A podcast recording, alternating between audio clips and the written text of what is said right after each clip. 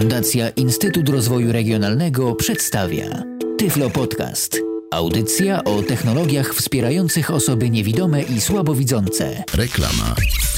Myślisz, że nie masz zdolności do języków? Niewiele nauczyłeś się w szkole i na kursach? Nie masz czasu na uczęszczanie na zajęcia organizowane przez szkoły językowe? A może po prostu nie możesz znaleźć szkoły językowej, w której zajęcia przystosowane byłyby do Twoich potrzeb? Już dziś możesz zacząć uczyć się języka angielskiego przez internet, bez wychodzenia z domu.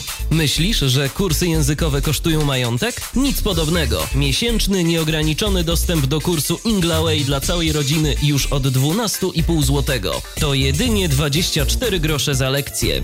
Inglaway. Angielski w piżamie. Kurs języka angielskiego dla wszystkich. www.ingla.pl Projekt współfinansowany ze środków Europejskiego Funduszu Rozwoju Regionalnego. Po reklamie. Tyflo Podcast.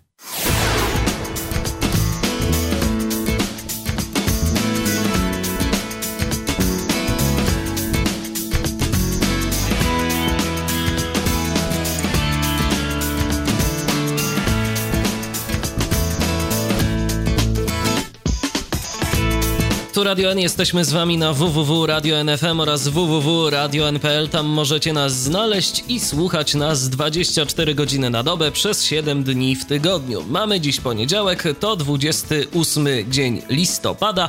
Minęła godzina 19, a zatem rozpoczynamy kolejne spotkanie z audycją Tyflo Podcast w Radiu N. Tyflo Podcast to przypomnę strona internetowa, na której znajduje się no już nieomal 300 audycji poświęconych temu wszystkiemu, co istotne istotne dla osób niewidomych oraz słabowidzących. Bardzo serdecznie zachęcam do odwiedzenia tej strony www.tyflopodcast.net.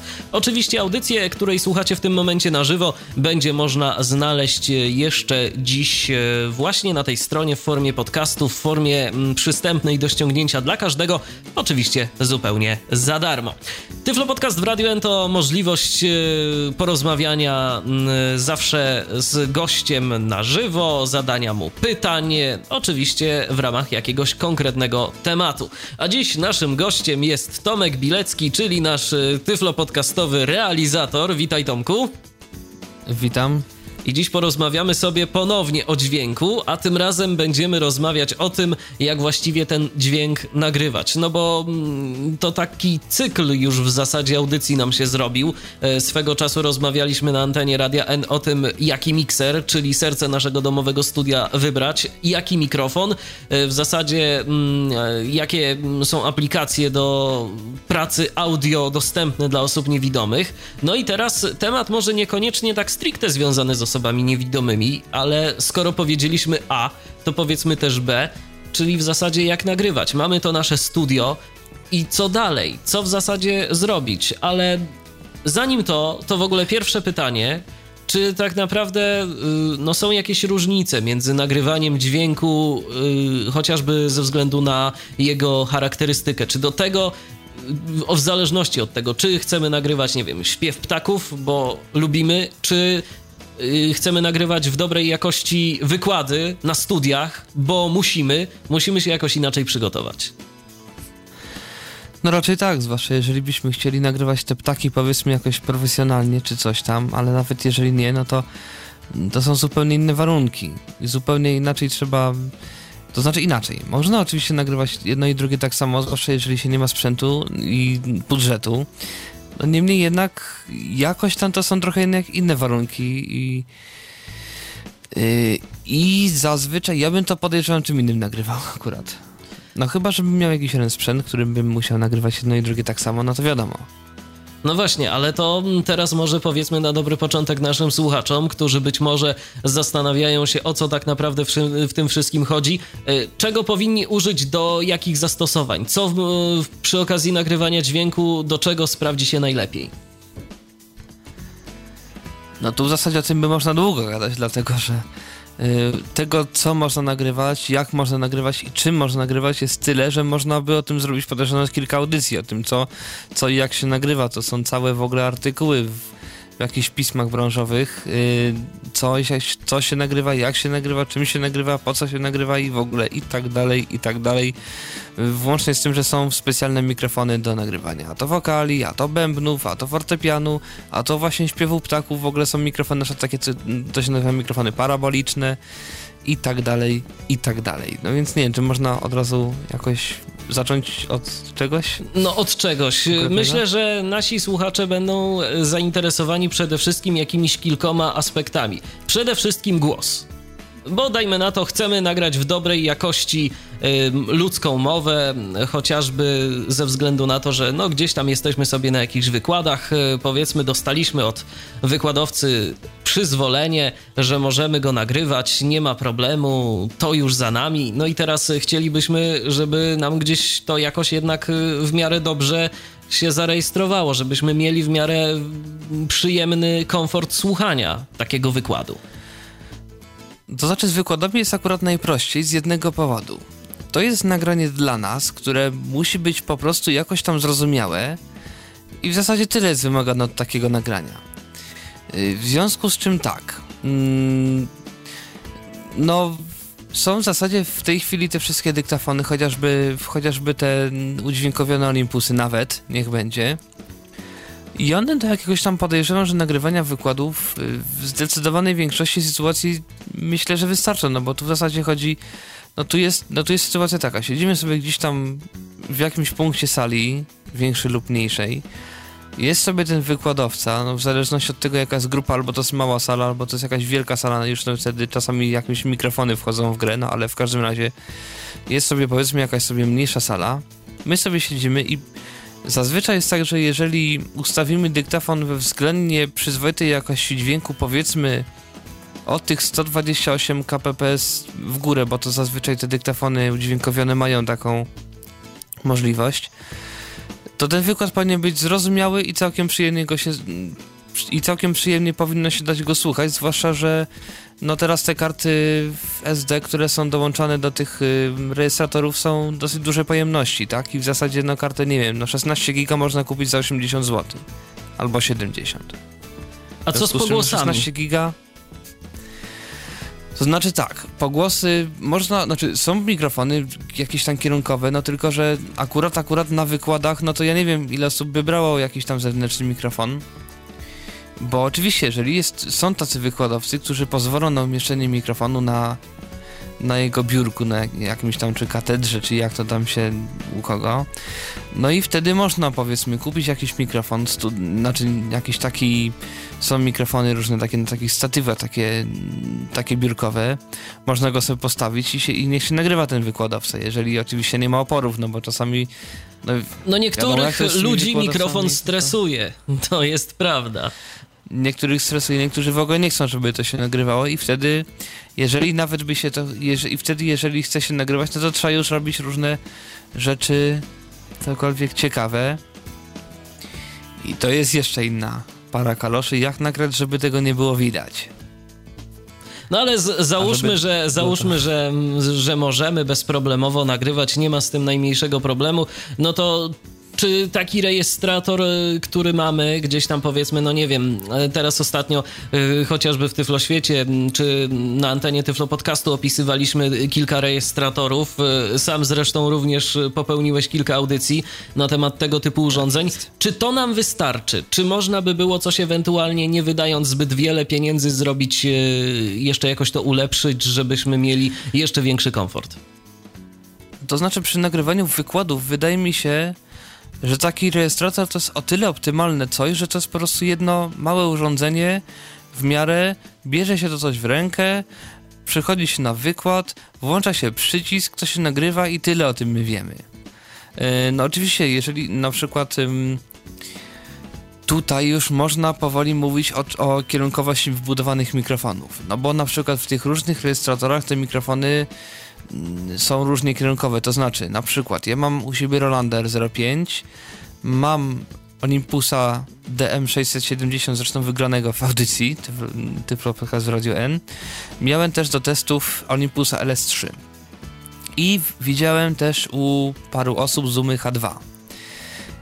I co mogę o tych wszystkich urządzeniach powiedzieć? Ano to, że prawie wszystkie oprócz Zooma H2 mają mikrofony dookólne. Co to znaczy? Chodzi tutaj o charakterystykę kierunkową, czyli jeżeli mówi do niego z przodu, mówi do niego z boku, mówi do niego z tyłu, mówię z góry, z dołu, to dla niego jest wszystko jedno i on to słyszy mniej więcej tak samo, z taką samą głośnością. W związku z czym, jeżeli my jesteśmy na jakiejś tam sali wykładowej, mówi do nas wykładowca z przodu. Z tyłu jakiś kumpel do drugiego kumpla coś mówi. Jeszcze jest gdzieś jakiś pogłos, więc ten nasz rejestrator, większość tych rejestratorów nam to wszystko wyłapie. Co nie No, jest pożądanym Zoom- zachowaniem. co nie jest pożądane. Natomiast Zoom jako chyba jedyny z tych rejestratorów, jeszcze chyba Tascamy mają mikrofony kardioidalne. No więc Zoom H2 ma te mikrofony kardioidalne, czyli czyli po polsku mówiąc kierunkowe. Jedno, jakby jednokierunkowe. To znaczy, że nagrywają z przodu, a z tyłu i z boku no może nie, że w ogóle nic nie nagrywają, bo to jest niemożliwe. Niemniej jednak trochę mniej nagrywają. W związku z czym ten wykładowca, który będzie mówił, będzie miał trochę mniejszy pogłos, będzie miał trochę, będzie trochę mniej szumów dochodzących gdzieś tam z tyłu, z boku i tak dalej. No, czyli to całkiem dobra opcja by się mogło wydawać. Yy, Jeżeli chcemy nagrywać głos, jeżeli chcemy nagrywać mowę ludzką, to właśnie o taki mikrofon kierunkowy najlepiej się postarać. A powiedz mi, czy sensowne jest używanie do rejestracji głosu yy, trybu stereofonicznego właściwie? To znaczy tak, no jeżeli to jest po, powiedz, po prostu głos, typu, nie wiem, no, na przykład my tu, my tu rozmawiamy sobie w audycji, tak? No i, i nas tu słychać. No to głównie chodzi o to, żeby mnie i ciebie było jak najbardziej słychać. No po prostu trzeba się przybliżyć do tego mikrofonu. Jeżeli chodzi o sam głos jako taki, no to jest tam jakiś tam mniejszy problem. Czasami na wykładach może to być o tyle, mm, bo teraz tak, no bo okej, jest sobie ten wykład, mówi sobie coś tam ten wykładowca, ale gdzieś, bo, ale gdzieś coś mimo wszystko gdzieś tam z boku słychać i mimo wszystko jest trochę większa jakby selektywność, jeżeli się słucha czegoś, jeżeli powiedzmy jest mowa z jakiegoś tam jednego kanału, a szum dochodzi z drugiego, czyli powiedzmy jest ten wykładowca na środku i gdzieś tam po lewej ktoś coś powie, po prawej ktoś coś powie, ale jakoś no chyba ludzki słuch trochę jakby zawsze łatwiej jest ukierun- łatwiej jest no jakby to powiedzieć łatwiej jest rozróżnić dźwięki, które dochodzą z różnych stron. Jeżeli jest wykładowca na środku, to interesują nas dźwięki, które są na środku. Wszystko, co jest po bokach, jakoś można sobie trochę bardziej jakoś tam no, pominąć, powiedzmy. Mm, Ja To powiem jest jeszcze niewiele, jedną... niemniej jednak to są takie różne rzeczy, które mogą pomóc. Ja powiem jeszcze jedną rzecz z jakiegoś tam Przy własnego, wykładach. z własnego doświadczenia. Yy, Tu już troszeczkę wchodzimy no, w nieco bardziej zaawansowane zagadnienie, ale ja pamiętam, e, że swego czasu miałem do obrobienia jakiś materiał. Właśnie dla Tyflo Podcastu. To był materiał z jakiejś konferencji. Mm, Tam właśnie został zarejestrowany ten głos w trybie stereofonicznym, ale dobrze się stało. Bo gdybyśmy mieli y, tak naprawdę, no zazwyczaj to jest tak, że jeżeli nagrywamy coś y, mono, to po prostu sygnał jest zbierany do, y, z tych dwóch mikrofonów, które ma, dajmy na to jakieś urządzenie, bo zazwyczaj to jest tak, że jeżeli coś nagrywa i w stereo, to, tak, to, to, to ma dwa mikrofony i jest miksowany.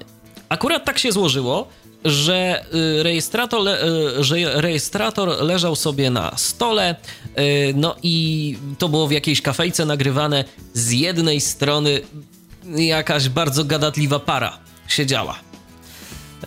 No i w zasadzie ciągle mówili, ciągle mówili, ciągle mówili. Było to bardzo wyraźnie słychać, ale dzięki temu, że ten sygnał był stereofoniczny, to można było wyodrębnić z tego nagrania w zasadzie tylko jeden kanał, y, za, zmonofonizować go oczywiście i było, po, i było po kłopocie. I dzięki temu można było uzyskać w miarę klarowne nagranie. Także no nie wiem, czy się ze mną zgodzisz, ale ja bym mimo wszystko jednak y, taki źródłowy materiał, jeżeli y, chcemy z nim jeszcze coś robić, to ja bym próbował mimo wszystko jednak na, nagrywać go stereofonicznie.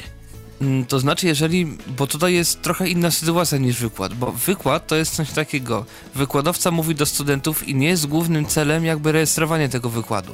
Znaczy, jakby od, mm, od, strony wykładowcy. No tylko on chce coś przekazać ludziom. Natomiast jeżeli jest jakiś, wy, jakiś, jakiś wywiad i siedzę sobie z kimś i robię wywiad, to, no to to jest wywiad. Tu ma się nagrywać, więc ja tu mogę wziąć mikrofon duży, kierunkowy bardzo, bo są takie mikrofony kierunkowe bardzo, podstawić mu ten mikrofon pod twarz, powiedzmy, i nagrywam tego pana.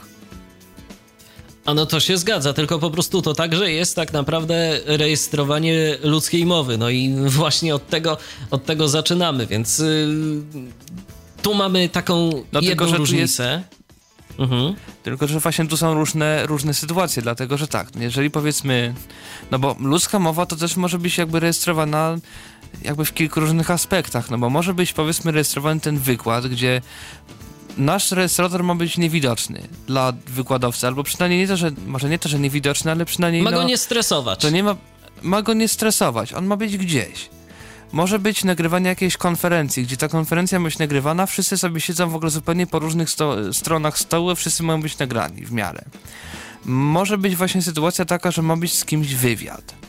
Może być sytuacja taka, że ktoś, nie wiem, w domu chce nagrać podcasta, jakiegoś tam radio internetowe chce prowadzić, czy coś takiego. Może być sytuacja, że nagrywa jakąś piosenkę. I to są, wszystko to są trochę inne sytuacje, do których najlepiej oczywiście użyć, jeżeli się, jeżeli można, różnego trochę sprzętu.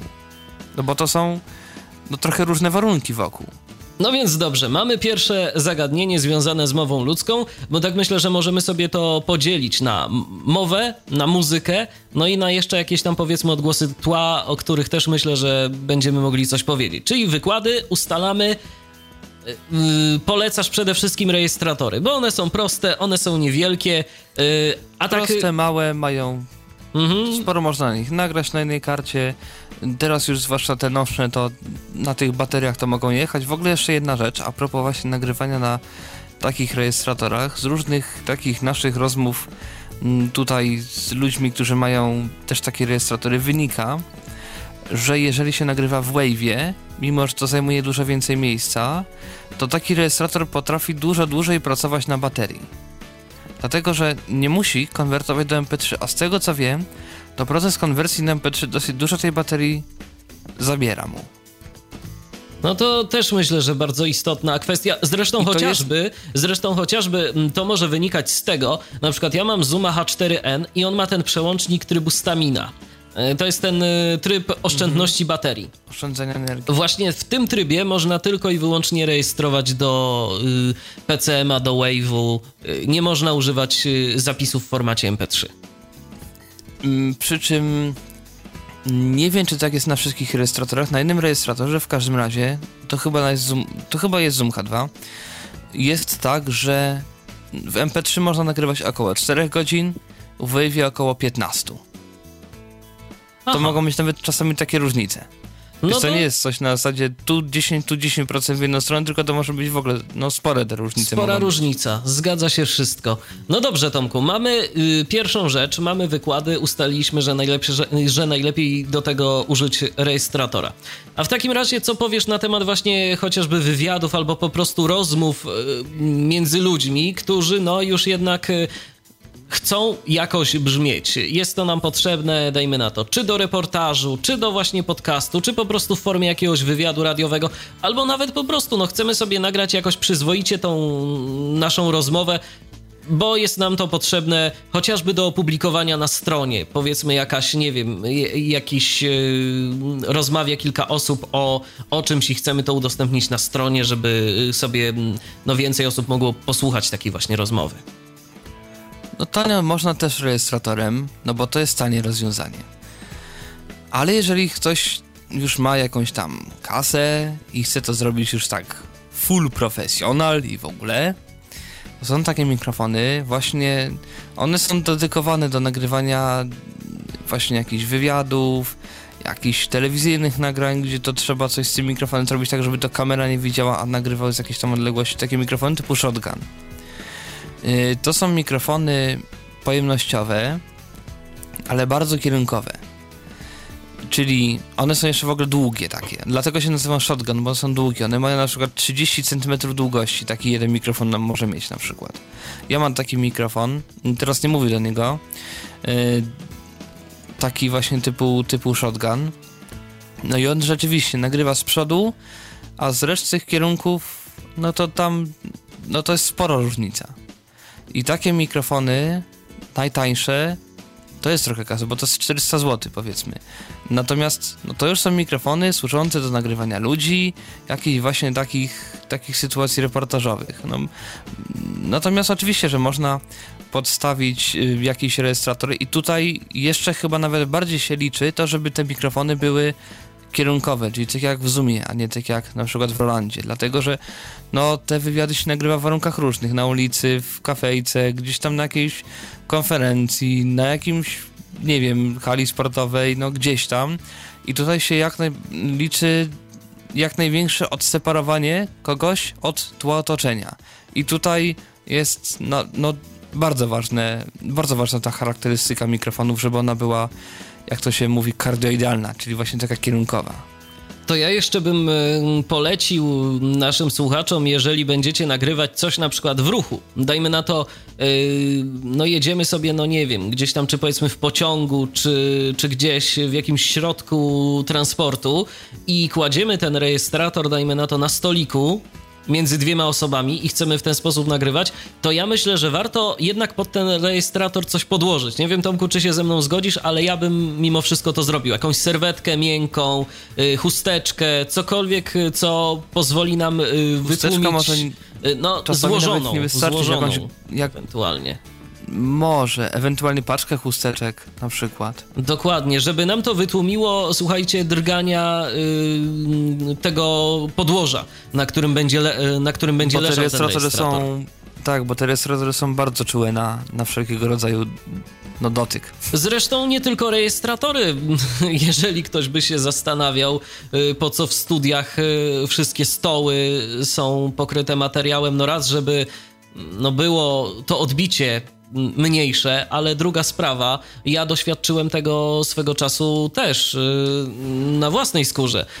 Mam powiedzmy, miałem y, kilka lat temu no nieco starszy komputer.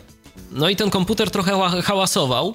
Oprócz tego, że hałasował, to także przenosił wibracje. Wibracje przenosił na yy, biurko po tak prostu, jest. na którym stał. Tak jest. No i na biurku Skąd stał ja sobie znam? statyw. No i wiadomo, co się działo.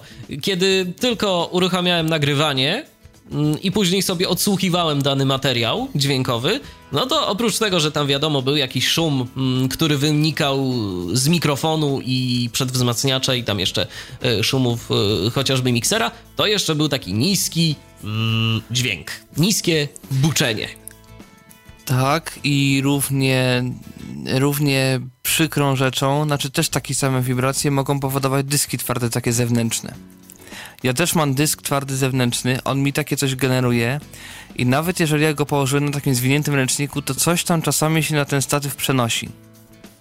Także to taka dobra rada od nas dla Was, jeżeli będziecie chcieli nagrywać, czy w ruchu, czy po prostu jeżeli macie komputer, który gdzieś tam jakieś drgania yy, przenosi, to lepiej sobie postawić to na czymś miękkim. A Tomku, yy, takie pytanie kolejne, bo niejednokrotnie ja przynajmniej spotkałem się i zawsze tak myślałem o tym, że może by sobie kiedyś sprawić tego typu urządzenie, bo to takie fajne, tak, tak sympatycznie wygląda, jest małe, ale jak to jest funkcjonalne? W niektórych y, chociażby, czy w telewizji, czy kiedy y, robimy jakiś wywiad, albo ktoś z nami robi jakiś wywiad, to przypina się takie malutkie mikrofoniki, takie y, do koszuli na taki klips. Czy to byś polecił coś takiego, czy raczej nie?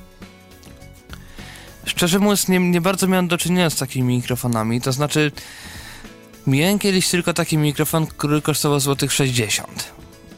No, on tak średnio chodził. Natomiast no to był no tani mikrofon. Możliwe, że jakiś, jeżeli będzie mikrofon jakiś drogi, no to, to może to będzie lepiej. Natomiast ja nie miałem za dużo doświadczenia z takimi mikrofonami osobiście. Rozumiem, no ale jeżeli ktoś y, by miał jakieś doświadczenia, to prosimy o telefon, bo już za momencik uaktywnimy e, nasze drogi kontaktu do studia Radia N. Będzie można dzwonić 223988027 wewnętrzny 938. Natomiast e, jeżeli chodzi o Skype'a, to tyflopodcast.net to jest nasz login na Skype. O właśnie, no ktoś do nas tu nawet e, dzwoni w tym momencie. Halo, kogo witamy? Proszę. Dzień dobry. Dzień dobry, witamy. Ja bym się chciał zapytać taką kwestię yy, a propos, jeżeli chodzi o yy, nagrywanie dźwięku, yy, to po prostu jakie urządzenie byście polecili do nagrywania jakichś uroczystości, nie wiem, jakichś przedstawień, koncertów? Yy, to jest pierwsze moje pytanie. A drugie pytanie to, gdzie można znaleźć albo jak sobie zrobić samemu takie mikrofony stereofoniczne? Bo już niejednokrotnie próbowałam się za tymi mikrofonami szukać, bo wiem, że na TeamTalku i na innych yy, programach te stereo jest fajnie obsługiwane. I jeszcze i moje ostatnie pytanie, trzecie to jest takie, jakie karty, czy jakieś karty zintegrowane w netbookach, czy no jak można sobie ten, e, czy obsługują po prostu stereo, albo w co się trzeba zaopatrzyć, żeby było to stereo jakby odzwierciedlone. Dobrze, dziękujemy zatem za pytania, pozdrawiamy, no i do usłyszenia. A teraz myślę, że Tomku, no trzeba by naszemu słuchaczowi tak powolutko odpowiadać na te pytania. No tak. No to cóż, jeżeli chodzi o uroczystości, no to ja wiem, który jest najlepszy. To znaczy tak, mi się podoba osobiście Zoom H2. Znaczy w ogóle Zoomy mi się podobają, chociaż akurat na przykład w przypadku Zooma H4n mi się nie podoba jego stereo, bo jest dosyć wąskie. Nie wiem czemu tak zrobili, ale jakoś tak zrobili, że jest zdecydowanie węższe niż no właśnie na przykład w H2, chociaż w H2 jest tak, że tam są te cztery mikrofony i tam mm, tam jest tak, że są dwa mikrofony przednie mm, pod mniejszym kątem, za to one mają troszeczkę większy, mi się wydaje, ten jakby odseparowania otoczenia, w związku z czym teoretycznie są jakoś tam lepsze do właśnie nagrywania jakichś reportaży, jakichś wywiadów, jakichś tam takich rzeczy. No i mikrofony, które mają szersze stereo, zdecydowanie, też mają jakieś tam odseparowanie od, od, od jakby, no, jak, kierunkowość. No tylko, że kosztem tego szerszego stereo, w związku z czym, no, jakiś takich właśnie nagrań typu koncerty, typu uroczystości, gdzie no fajnie by było słychać, prawda, że coś tam z lewej przyszedł do prawej, coś tam się dzieje, no to, to, to fajnie słychać. Bo szczerze mówiąc, z tych rejestratorów, które słyszałem, a kilka ich słyszałem, no to rzeczywiście najwię największe stereo to ma ten Zoom. Ale na przykład najlepszą pasmo przeniesione mi mikrofonów ma na przykład Roland. Roland. Zoom też ma na przykład najgorsze przez wzmacniacze, jeżeli by ktoś chciał podłączać mikrofony do niego zewnętrzne jakieś. Oczywiście to cały czas przy, przy założeniu, że mm, chcemy nagrywać za pomocą wbudowanych e, mikrofonów, bo jeszcze oczywiście jest taka opcja, y, przy której Zoom myślę, że mógłby się całkiem fajnie sprawdzić Zoom H4n, y, bo on ma oprócz tego, że ma przedwzmacniacze, no to także jest w stanie przyjąć sygnał liniowy, więc y, możemy sobie podłączyć y, do Zooma po prostu wyjście z jakiegoś tam wzmacniacza czy miksera, w zależności od tego, co gdzieś mamy i w ten sposób rejestrować. I możemy. Mhm. Możemy. Mm, to znaczy tak, jeżeli chodzi o wejście liniowe, to wejście liniowe mają w zasadzie w tej chwili wszystkie urządzenia. Zoom H2 ma wejście liniowe, Zoom H1 ma chyba wejście liniowe. Olympus LS3 nie wiem czemu nie ma wejścia liniowego. To znaczy można wykorzystać wejście mikrofonowe jako wejście liniowe, ale na tym się można przejechać. Tak Działa to nie za ciekawie. Kiedyś, kiedyś próbowaliśmy mm, z Robertem Łabęckim przecież. Nie wiem, Tomku, czy pamiętasz, kiedyś przeprowadzaliśmy właśnie takie eksperymenty, próbowaliśmy e, wykorzystywać właśnie um, Olympusa LS3 do tego, żeby można było sobie właśnie coś z wejścia liniowego nagrać, a później jeszcze od razu przełączyć się y, na mikrofon y, wewnętrzny, żeby to jakoś sensownie brzmiało. No, no efekt właśnie. nie był ciekawy. Właśnie tu się nie da. No właśnie, bo Zoom H2 z tego co wiem ma chyba oddzielne gniazdo na wejście liniowe. W każdym razie można nagrywać sygnał liniowy, natomiast Zoom H4n, o którym mówiłeś, to ma jedną rzeczywiście ciekawą rzecz, bo na Zoomie H4n można naraz nagrywać z mikrofonów wewnętrznych i z wejścia liniowego. Dokładnie. Można to zrobić yy, i można yy, regulować głośność yy, tych urządzeń. Więc można sobie. Niezależnie. Tak, więc można na przykład, no, chociażby przy założeniu, że chcemy to wykorzystać nawet jako taki mały mikser, to w tym momencie jest to możliwe. Dajmy na to, jeżeli chcemy coś skomentować, to, co się dzieje na scenie, w momencie rejestrowania tego, to możemy na przykład y, mieć y, podłączenie do wzmacniacza y, przez wejście liniowe do Zooma i w tym momencie na przykład dajmy na to, że chcemy coś powiedzieć, to sobie po prostu zgłośniamy mikrofon wbudowane w Zoomie, tu ściszamy, mówimy coś, no i mm, wyłączamy mikrofon, wyłączamy mikrofony wewnętrzne w Zoomie i w dalszym ciągu materiał, materiał jest po prostu rejestrowany. Także no można. Tak, drugie pytanie było o mikrofony stereofoniczne. No to jest ciekawa rzecz. Y, ja myślę, że troszeczkę, ja chciałbym tak powiedzieć, y, jedną rzecz. Y, w zależności od tego, do czego będziemy to chcieli wykorzystywać, bo te mikrofony stereofoniczne, one rzeczywiście dają dosyć ciekawy efekt, natomiast tak, w takim codziennym mm, używaniu ja chociażby no średnio widzę zastosowania tego. Przynajmniej jeżeli na przykład mamy zamiar nagrywać jakąś mowę, jeżeli ma być to y, rozwiązanie stacjonarne bardziej niż mobilne. Tylko że, tylko, że no właśnie, bo ty zazwyczaj nagrywasz mowę, to znaczy mowę w sensie no bo ty robisz podcasty, ty robisz mm, Radio N, ty robisz tam coś tam jeszcze, a chyba a chyba słuchaczowi bardziej chodziło o nagrywanie różnych odgłosów, wydaje mi się, naturalnych, gdzie ten mikrofon no jeżeli jest tak, to to się na pewno sprawdzi idealnie. No to tak. Tomku, co to znaczy właśnie To znaczy właśnie z tymi mikrofonami stereofonicznymi do rejestratorów jest sprawa śmieszna, bo od jakiegoś czasu mm, rejestratory mają na tyle dobre mikrofony stereofoniczne, że żeby kupić mikrofon stereofoniczny lepszy od wbudowanych, to trzeba wydać kilkaset złotych. Czyli całkiem sporo. Czyli całkiem sporo. Oczywiście jak na warunki domowe, bo tak naprawdę jeżeli chodzi o sprzęt profesjonalny, to kilkaset złotych na mikrofon to jest bardzo budżetowe, no ale to dobra. Tak. Mm. Mm.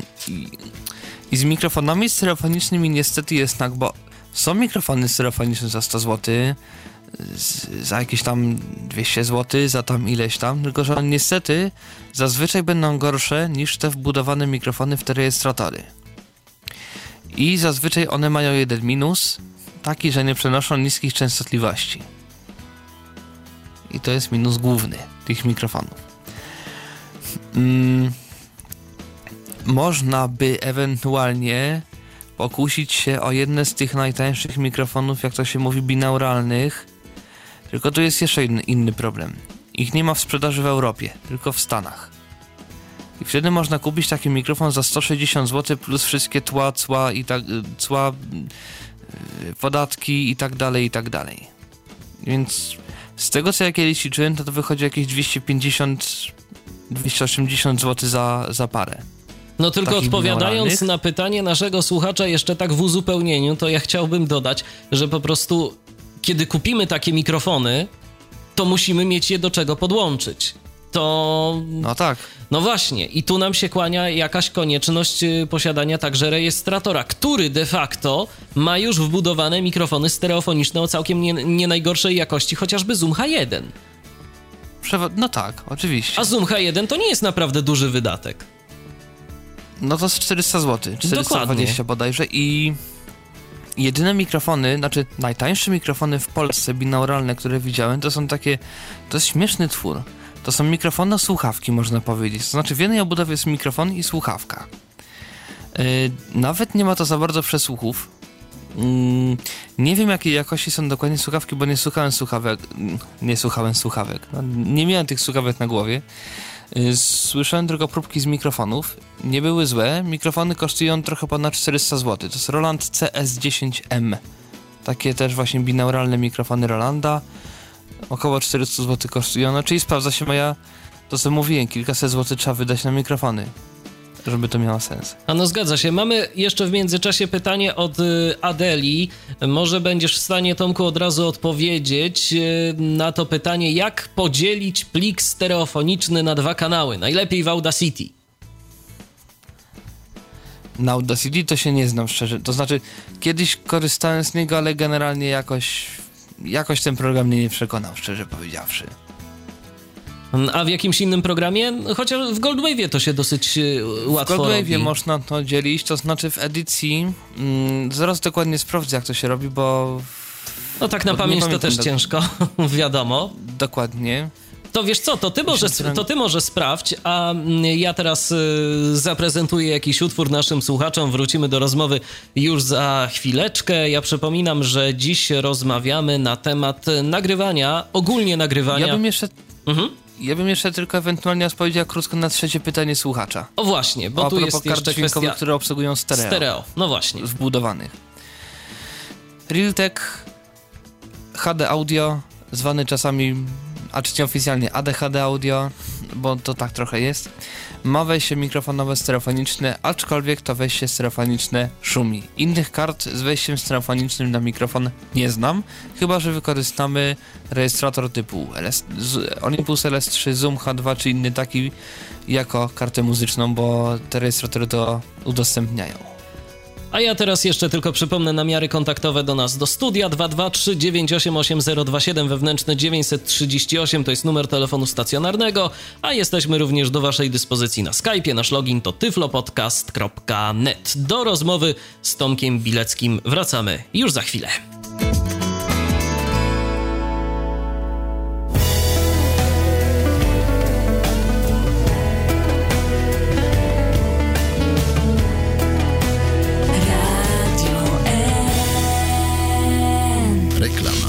Już około 25% użytkowników ma problem z dostępem do informacji na stronach internetowych. Administracja publiczna łamie prawo, nie publikując informacji w sposób dostępny. Nie daj się złamać i wykluczyć. Przejdź z Utilitią na dostępną stronę. Serwis Utilitia w kilka chwil może sprawdzić dostępność dowolnej strony internetowej. Automatyczny raport z uwagami, jak zwiększyć dostępność danej witryny, prześlij osobie odpowiedzialnej za budowę strony. Propagując dostępność i serwis Utilitia możesz wygrać jeden z trzech tabletów firmy Apple iPad 2. Za darmo zarejestruj się w serwisie Validator Utilitia.pl, przeprowadź analizę jednego serwisu i wypełnij formularz konkursowy. Wygraj iPada i przejdź na dostępną stronę www.utilitia.pl. Po reklamie. Tyflo Podcast.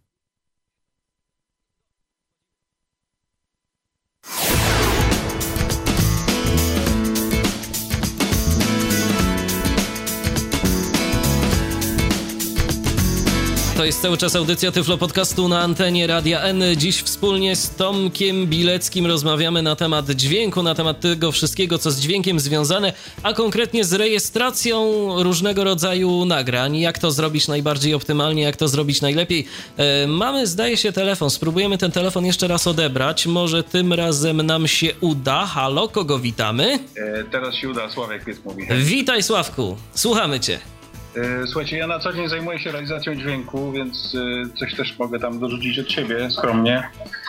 E, I jeśli chodzi o mikrofony, to, to nie jest tak do końca, że mikrofon stereofoniczny pojemnościowy się mm, nie nadaje do wywiadów czy do mm, nagrywania no, no, tego typu mm, rzeczy. Mianowicie, proszę sobie posłuchać na przykład w radiu jest wiele reportaży, które właśnie są rejestrowane stereofonicznie. Dlaczego? Dlatego, żeby y, poczuć tę atmosferę, czyli mm, żeby zarejestrować mm, pomieszczenie czy przestrzeń, w której mm, ten reportaż był rejestrowany, był nagrywany, bo jak gdybyśmy nagrywali to mikrofonem dynamicznym, e, ustawionym, e, skoncentrowanym tylko na, na głosu osoby, która udziela wywiadu, no to nie mielibyśmy praktycznie żadnego tła i teraz wygląda to bardzo blado, bo proszę sobie wyobrazić, no przecież e, jakby to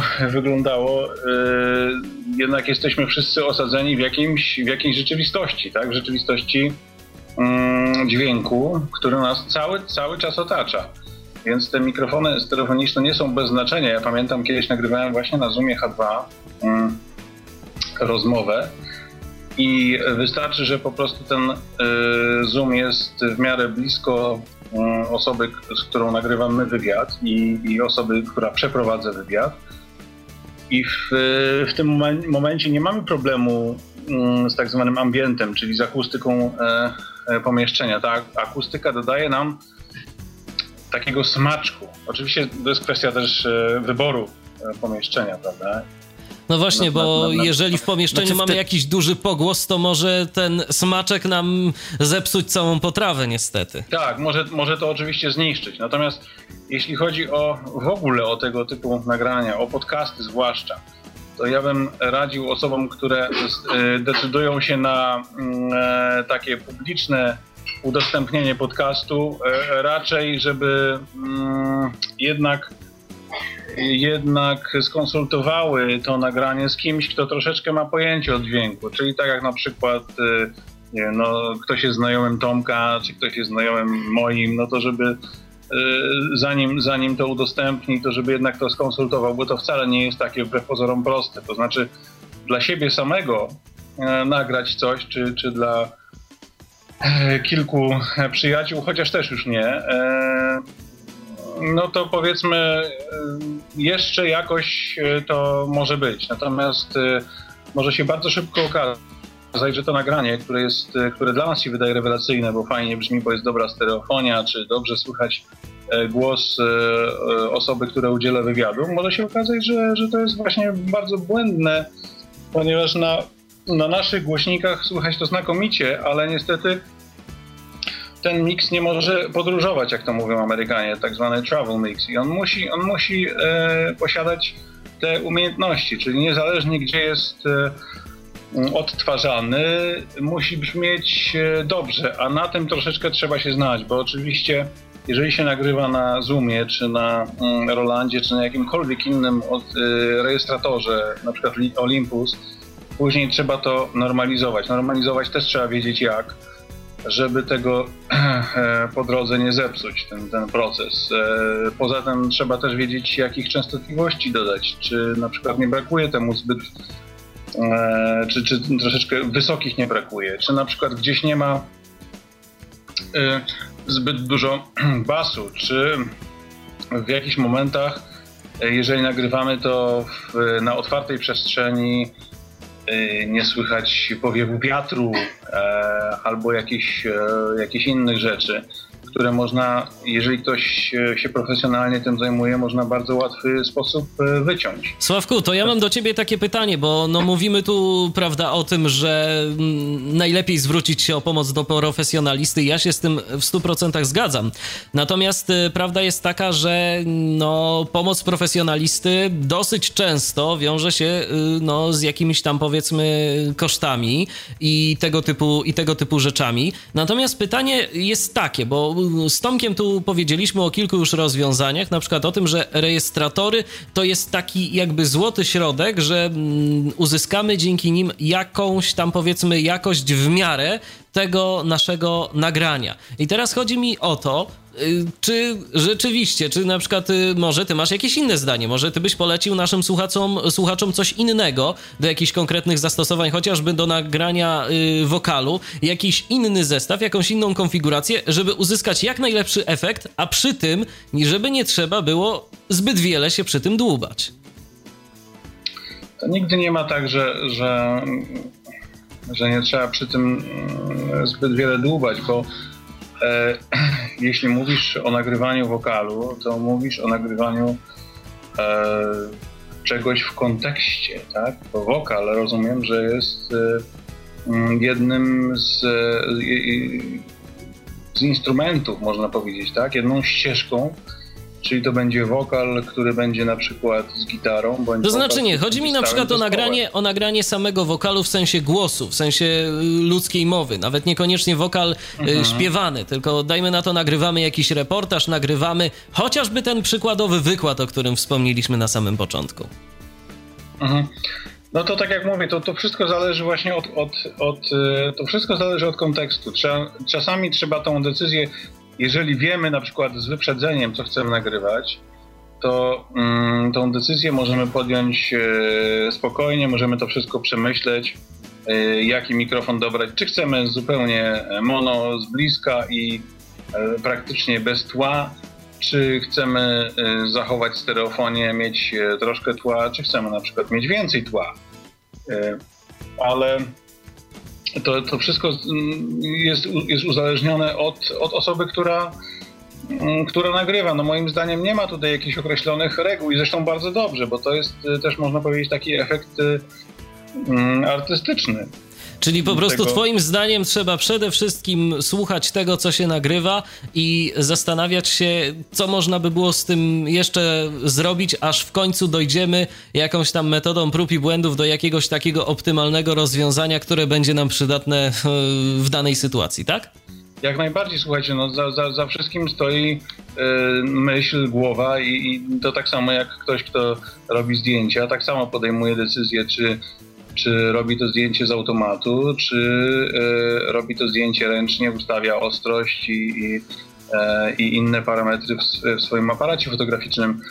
E, także, no, a później to już jest kwestia oczywiście wyrobienia i doświadczenia, prawda? No bo rzeczywiście te rejestratory są na tyle zautomatyzowane, że to jest kwestia przyciśnięcia jednego, dwóch przycisków i mamy mono, stereo, mamy e, stereo poszerzone, mamy stereo węższe, mamy takie czy inne mikrofony do, do, do wyboru, więc e, mm, tutaj możemy sobie śmiało kombinować. No, tak jak mówię, to zależy od, od kontekstu sytuacji, od wrażliwości osoby, która, e, która to e, nagrywa, od jego od pomysłu na nagranie.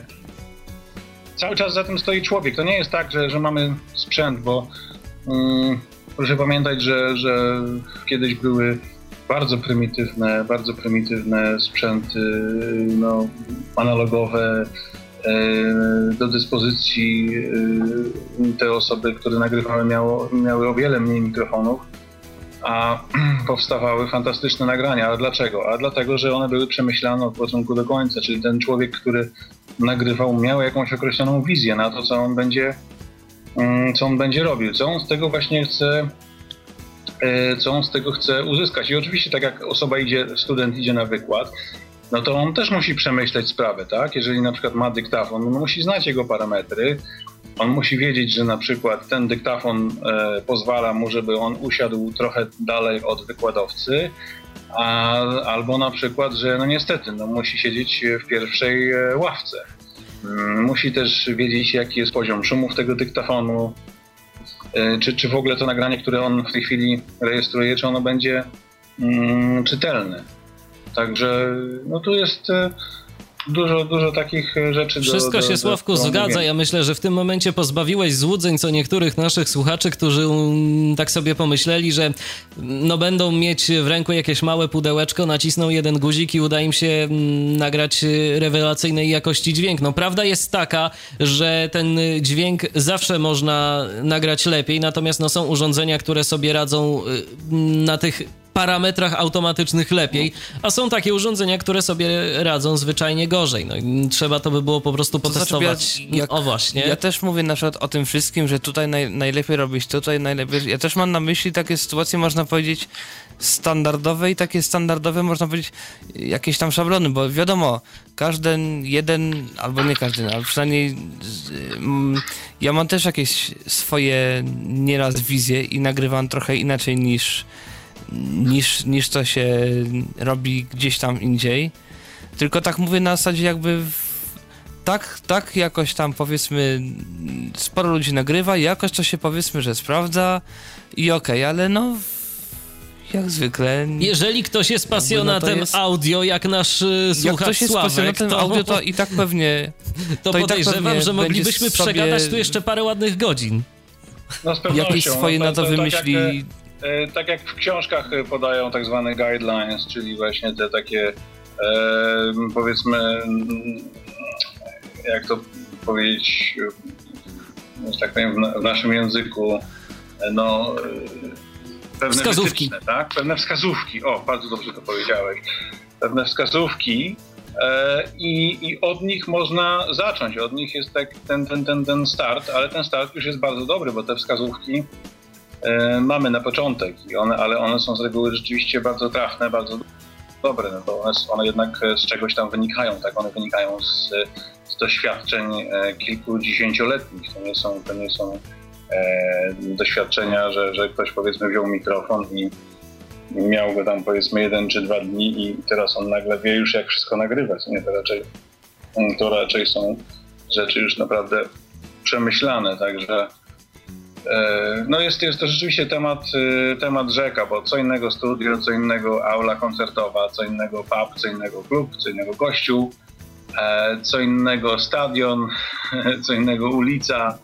Każde w zasadzie miejsce jest różne i do niego trzeba indywidualnie podejść. Tak, Taka jest prawda. I powiem tak, że wymaga to wyobraźni, ale, ale powiem tak na koniec, żeby się po prostu tym nie przejmować, żeby próbować, żeby, żeby nie było czegoś takiego, że ktoś mm, mówi, nie, no to ja nic nie umiem. Nie, właśnie, właśnie trzeba e, wyjść z tym mikrofonem, nagrać, e, nagrać klub, nagrać pub, nagrać restaurację, klatkę schodową, e, ulicę, posłuchać, wynotować sobie pewne wnioski i na tej, i na tej podstawie mm, działać dalej. Tak? A ja bym tak. powiedział, że ja proponuję jeszcze posłuchać sobie, yy, aby obserwować postęp, yy, posłuchać sobie jakieś nagrania, jakie zarejestrowaliśmy na samym początku naszej zabawy z urządzeniami nagrywającymi, a posłuchać sobie powiedzmy to, yy, jak do tego wszystkiego podchodzimy i jak nasze nagrania brzmią, dajmy na to po roku. Na pewno będzie postęp.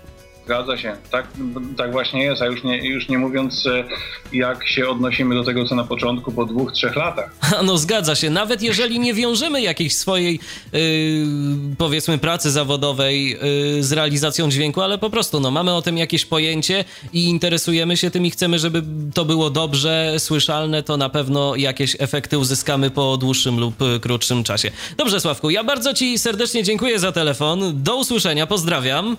Też Wam bardzo dziękuję i, i jakby były jakieś pytania, też chętnie służę pomocą.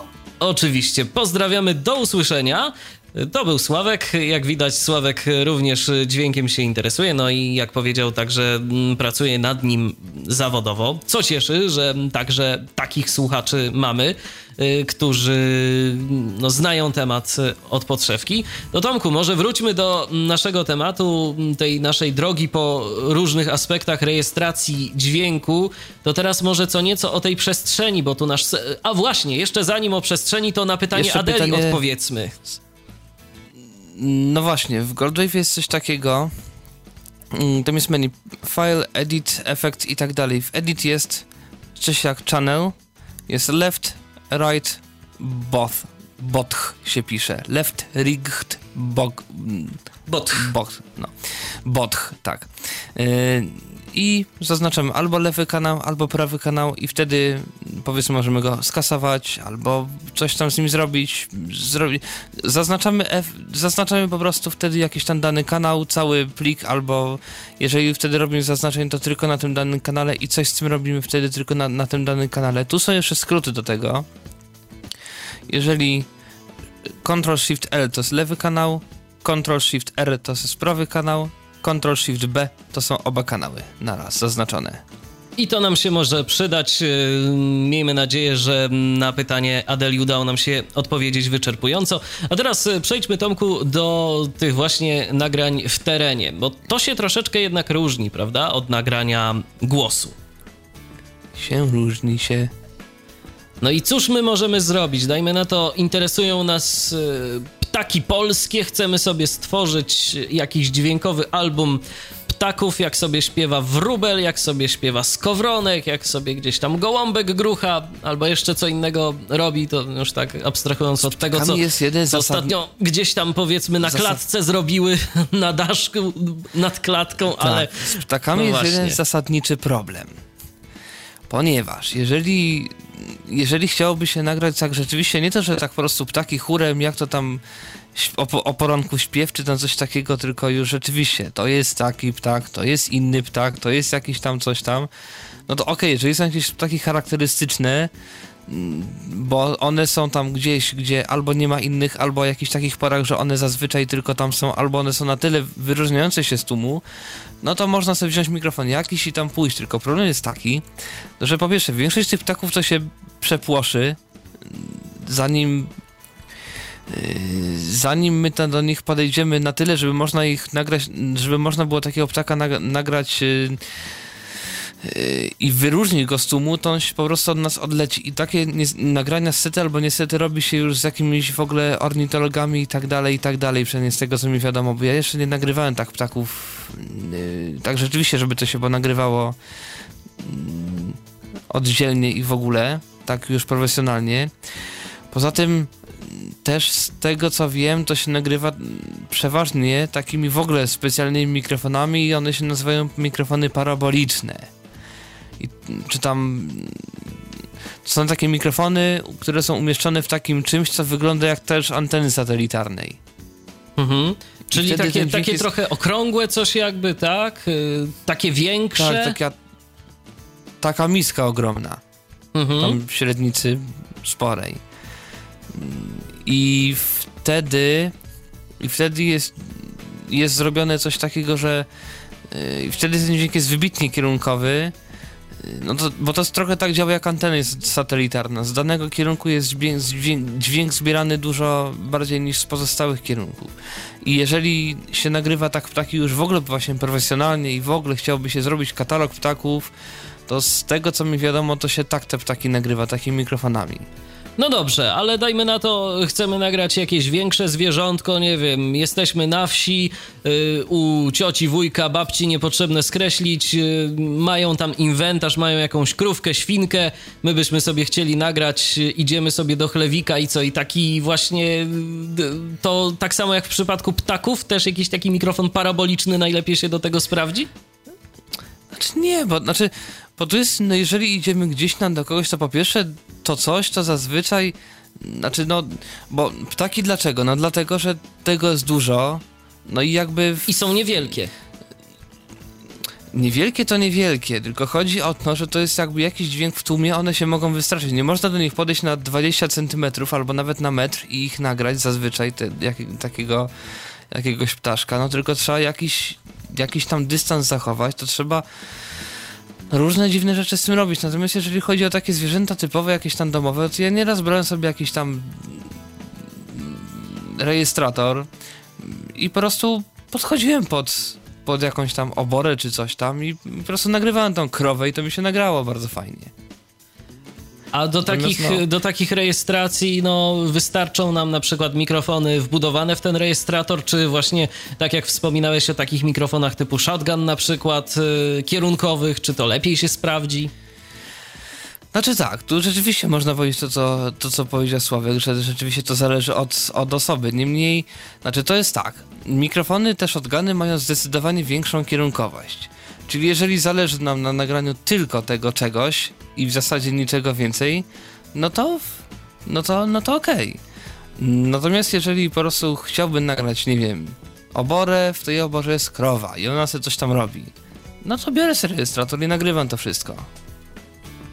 Rozumiem. A y, co z efektami przyrody, dajmy na to? No, jest burza, chcemy nagrać burzę, jakiś deszcz, który gdzieś tam sobie pada tak samo? No tutaj, znaczy tak, no tutaj to w zasadzie jest raczej, raczej to jest w ogóle raczej niekierunkowe, nie więc tutaj w ogóle można no tutaj ja przynajmniej tego nie... Na... Znaczy tak, kiedyś nagrywałem to w shotgunami, natomiast to dlatego, że nagrywałem to z domu. W związku z czym wziąłem sobie, wystawiłem za okno te shotguny, bo moje mikrofony, ten, z których teraz na przykład mówię, no ja musiałem mieć tutaj, tutaj na biurku. Miałem mikrofony akurat shotguny, wystawiłem je za okno i mi się nagrało, całkiem nawet nieźle się nagrało. Natomiast zazwyczaj, jeżeli ja nagrywam jakąś burzę czy deszcz, no to tutaj ja przynajmniej preferuję osobiście na przykład szerokie stereo, więc sobie biorę albo jeżeli mam mikrofon o szerokim stereo, to biorę sobie mikrofon o szerokim jakimś tam stereo, który mam, albo na przykład z tej racji, że Zoom na przykład H2 ma, ma to stereo szerokie i ja akurat lubię szerokie stereo, to sobie tak nagrywam. No jeżeli ktoś chce nagrać tam, nie wiem, po coś tam burzę jakkolwiek, no to się nagrywa inaczej.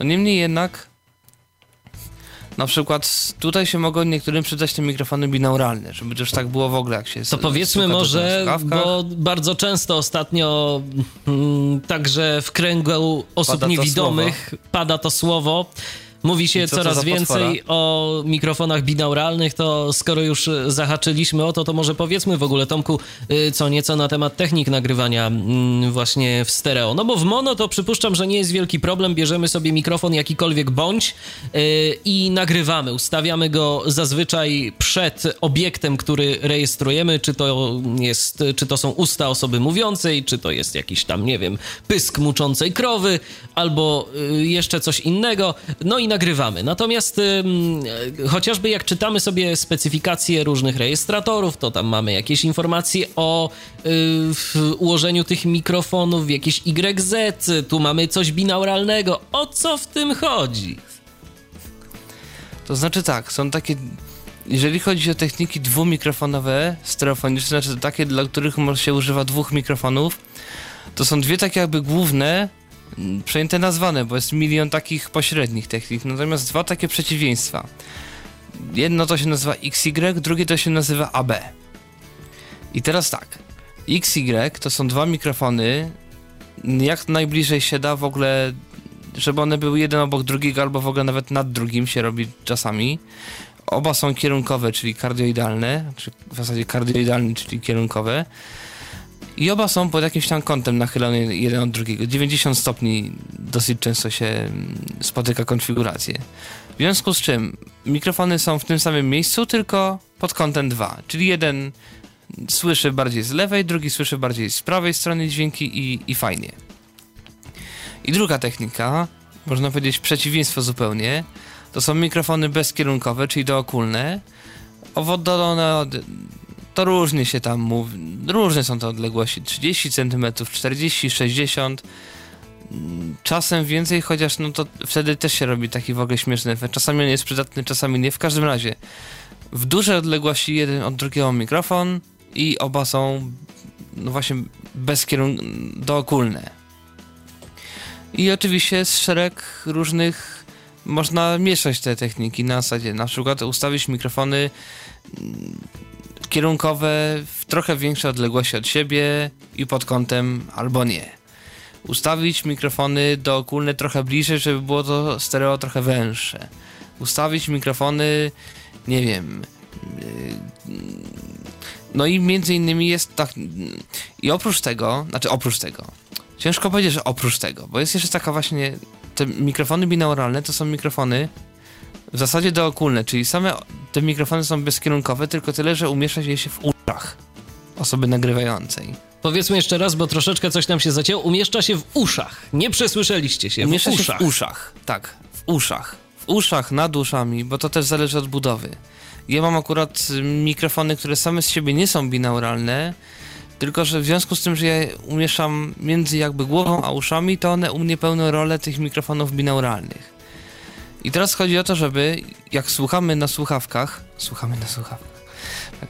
No, w każdym razie, jeżeli no, mamy ten no, odsłuch na słuchawkach, ok, niech będzie, słuchać na słuchawkach, yy, to słyszymy ten dźwięk tak jak to było w naturze. Jeżeli coś jest z przodu, to słychać, z przodu. Jeżeli z góry, to słychać to gdzieś tam na górze i tak dalej, i tak dalej. Tomku, a masz może pod ręką jakąś próbkę, żeby naszym słuchaczom uzmysłowić, jak to działa?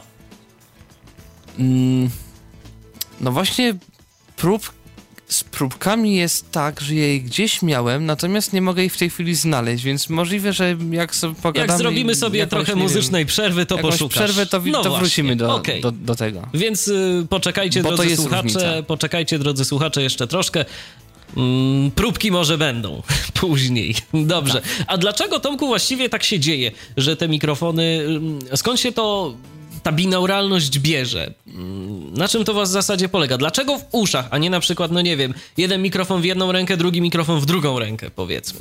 Z, z czego to wynika? Dlatego, że to wynika z tego, że, no bo tak, jak my, my mamy dwoje uszu i słyszymy wszystko tak, jak to jest w naturze. Góra z góry, dół z dołu i tak dalej, i tak dalej. I na to wszystko ma wpływ kształt głowy, kształt małżowin, odległość od ramion i tak dalej, i tak dalej. W związku z czym, jeżeli umieścimy mikrofonami w tym samym miejscu, co uszy są, jeżeli potem będziemy to słuchać na słuchawkach, czyli też jakby uszy dostaną sygnał, można powiedzieć, taki sam jak jakby to było no w naturze, no to mózg ma sygnał z obu uszu, który jest taki jak w naturze i go sobie odpowiednio interpretuje. Ale jak Tak rozumiem, żeby. Bo teraz wyobraziłem sobie arcyciekawą sytuację i myślę, że nie tylko ja. Czy to ma w ogóle sens? Dajmy na to, mam sobie jakieś dwa mikrofony dynamiczne, yy, takie dosyć duże. Montuję sobie je na jakiejś, nie wiem, na jakimś takim jarzmie, zakładam sobie to gdzieś za uszy, powiedzmy. I, i czy to w ogóle da jakiś efekt? Ktoś próbował? Czy w tym To momencie znaczy, ja głupie nie pytanie zadałem straszliwie? Jaki, to znaczy, jakiś może to być, natomiast generalnie te mikrofony są malutkie, binauralne. Raz, że no, żeby to nie było takie wielkie, bo, to, bo takie mikrofony binauralne są mniej więcej jak słuchawki koreczki. Czyli to naprawdę bardzo małe. Mm, A no poza tym, kosztować jest potrafią mikro- niemało.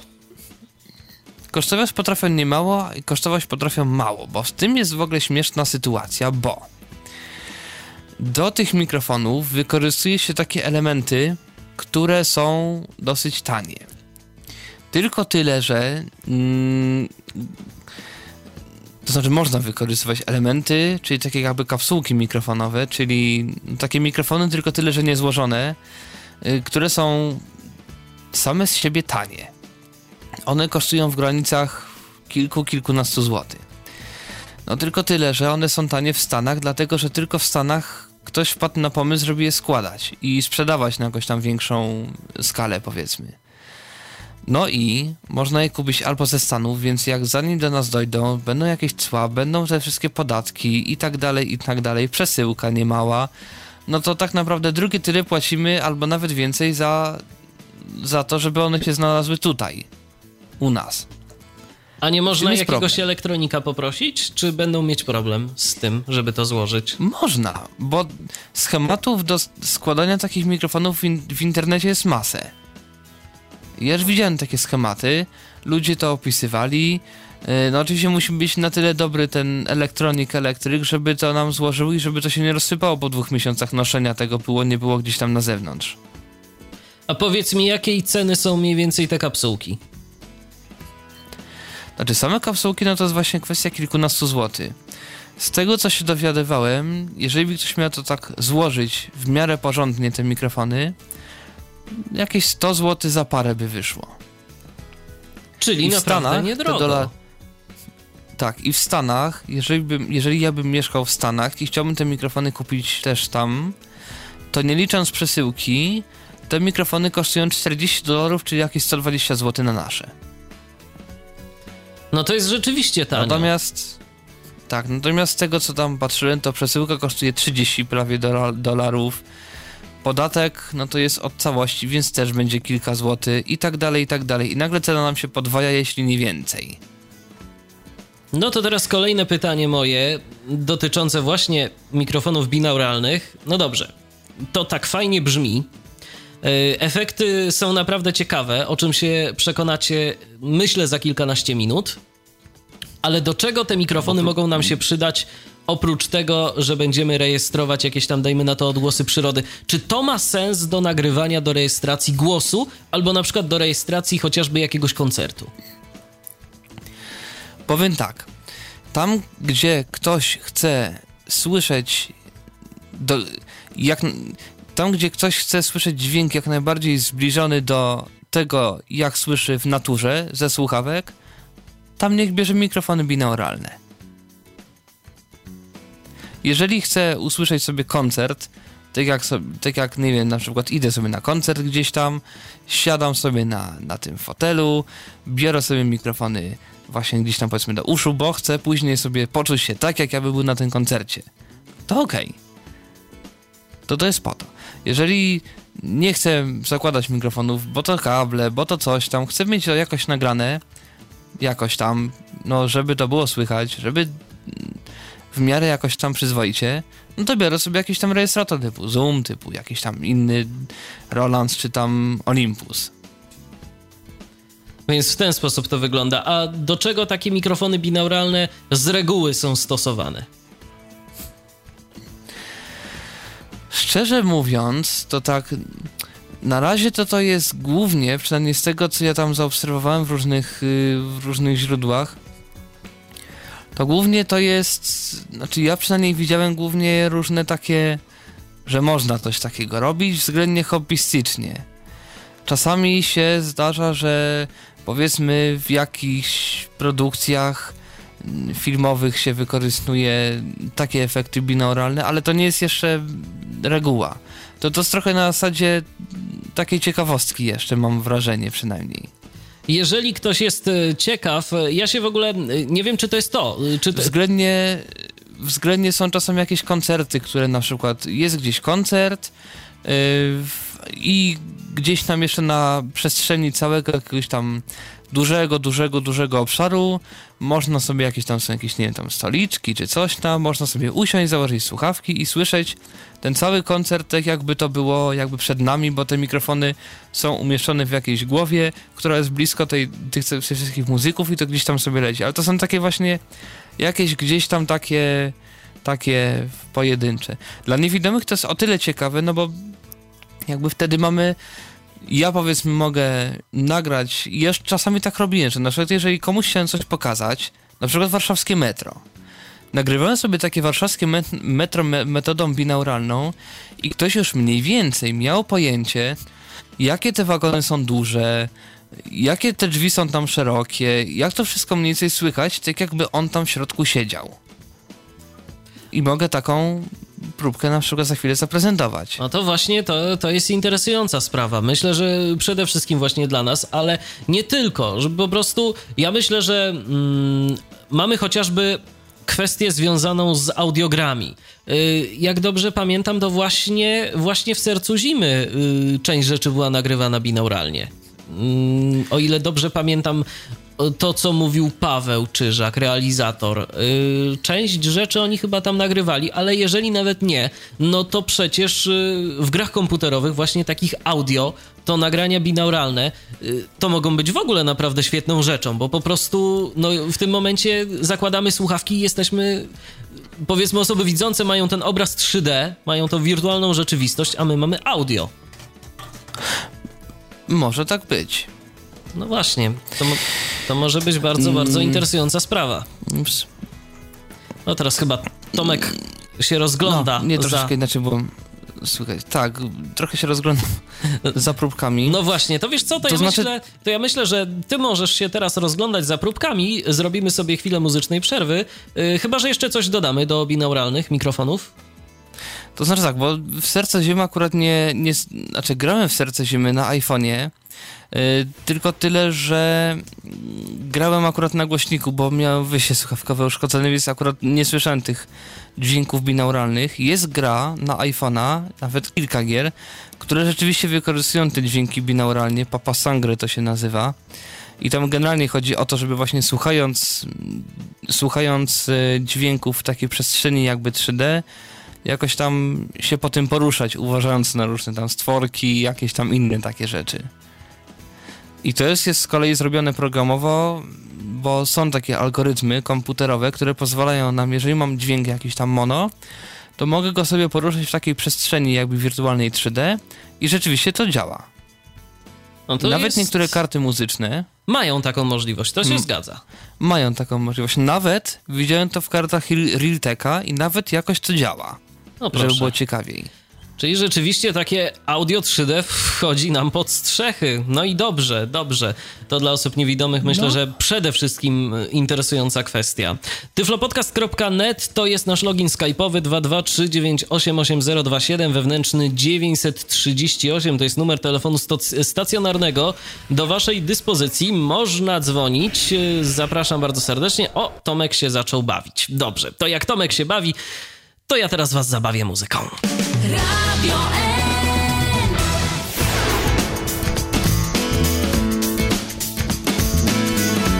Słuchacie cały czas audycji Tyflo Podcastu na antenie Radia N. Przypominam, że dziś rozmawiamy wspólnie z Tomkiem Bileckim o nagrywaniu dźwięku. Dźwięku różnego, zarówno głosu, jak i e, muzyki. Przed momentem e, mówiliśmy o mikrofonach binauralnych. No i Tomku, zdaje się, że ze swojego archiwum coś wygrzebałeś dla nas, tak? Tak, wygrzebałem. Właśnie a propos metra warszawskiego. mm, w pewnym momencie nagrałem właśnie binauralnie. No i mogę to jakoś tam pokazać. No to ja teraz Tutaj wyłączam podkład mam nadzieję, że będzie to- posłuchajmy. Będzie to słychać w miarę dobrze, nie wiem.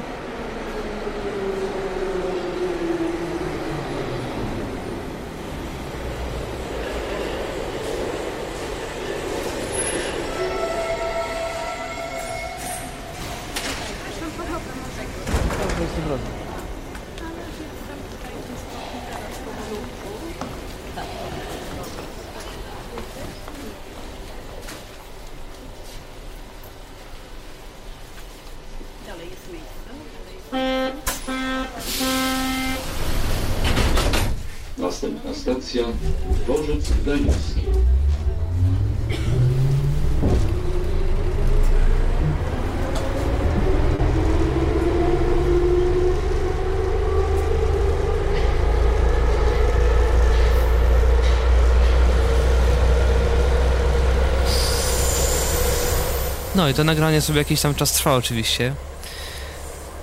I mam nadzieję, że to było słychać. Ja powiem szczerze, w pewnym momencie mm, myślałem, że zaraz y, krzesło razem ze mną gdzieś odjedzie. No, efekt jest bardzo ciekawy. Efekt jest naprawdę świetny. Także, no, technika binauralna to, to jest coś interesującego i rzeczywiście dla osób niewidomych, y, szczególnie jeżeli ktoś y, chce nagrać jakąś taką pocztówkę dźwiękową, no to warto, żeby się w tego typu urządzenia, jak mikrofony binauralne, zaopatrzył. I tu już rzeczywiście można było, przynajmniej u mnie, nie wiem jak to tam procesor radiowy jakoś tam zmienia, w każdym razie mniej więcej się jakoś nam dowiedzieć. Jakiej to było tak mniej więcej oczywiście, ile tam było z prawej do ściany, jakieś tam, jakieś takie różne rzeczy, które nie zawsze słychać, jeżeli nagrywam sobie coś tak, tak po prostu na jakimś tam rejestratorze. No dla mnie szczerze powiedziawszy najbardziej taki sugestywny był y, ten moment ruszania tego całego metra. Y, tak rzeczywiście człowiek miał tak wrażenie, że w zasadzie no zaraz ruszy. No cóż. No, także ciekawa rzecz y, i to bardzo. No i tak to działa, jeżeli chodzi o mm, nagrywanie mikrofonami binauralnymi. Y, Ty jeszcze, Tomku, Tak, no wspominałeś, niestety- że jeszcze coś tam masz. Tak, bo niestety nie udało mi się znaleźć tych mm, porównań tych metod stereofonicznych X, Y A i AB. Trochę szkoda, dlatego że one się trochę różnią. Yy, więc mogę tylko powiedzieć, że AB się wydaje taka troszeczkę jakby, jakby szersza. To co, Taka. posłuchamy czegoś? Mm, tak, bo znalazłem coś innego. Dlatego, że mm, znalazłem takie próbki. Mm, ktoś nagrał kiedyś porównanie mikrofonu właśnie do okulnego i, i kardioidalnego, czyli kierunkowego w jakiejś tam sali. To jest nagranie chóru z orkiestrą. Więc, więc tak to wygląda. Yy, jakieś tam kilka metrów, nie, nie pamiętam dokładnie w tej chwili ile to jest od, od tej całej orkiestry, w każdym razie tak mniej więcej można by się z tego zorientować jak, jak, jaka jest różnica w pogłosie. Ona może się wydawać niewielka, ale czasami ona, ona jest większa. No w każdym razie u mnie wygląda to w ten sposób.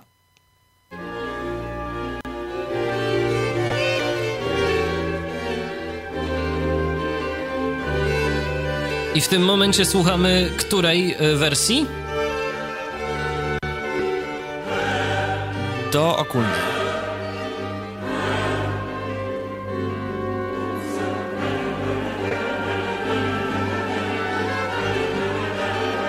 To teraz może posłuchajmy dla kontrastu kierunkowej.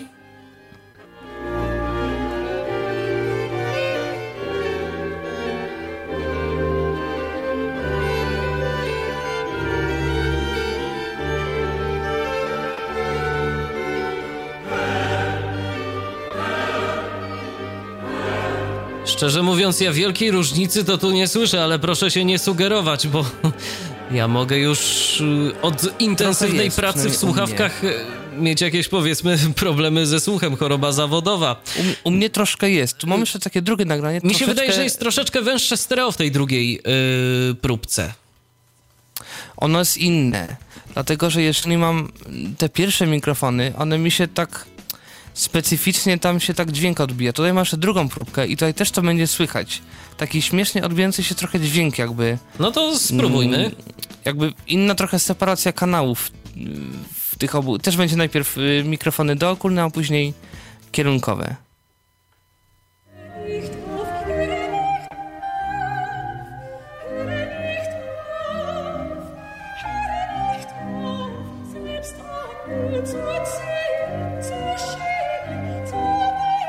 No tu ta pani tak śpiewa w prawym kanale, przynajmniej u mnie, to może teraz posłuchajmy tej drugiej próbki, póki śpiewa. To już jest druga, tak? Tak.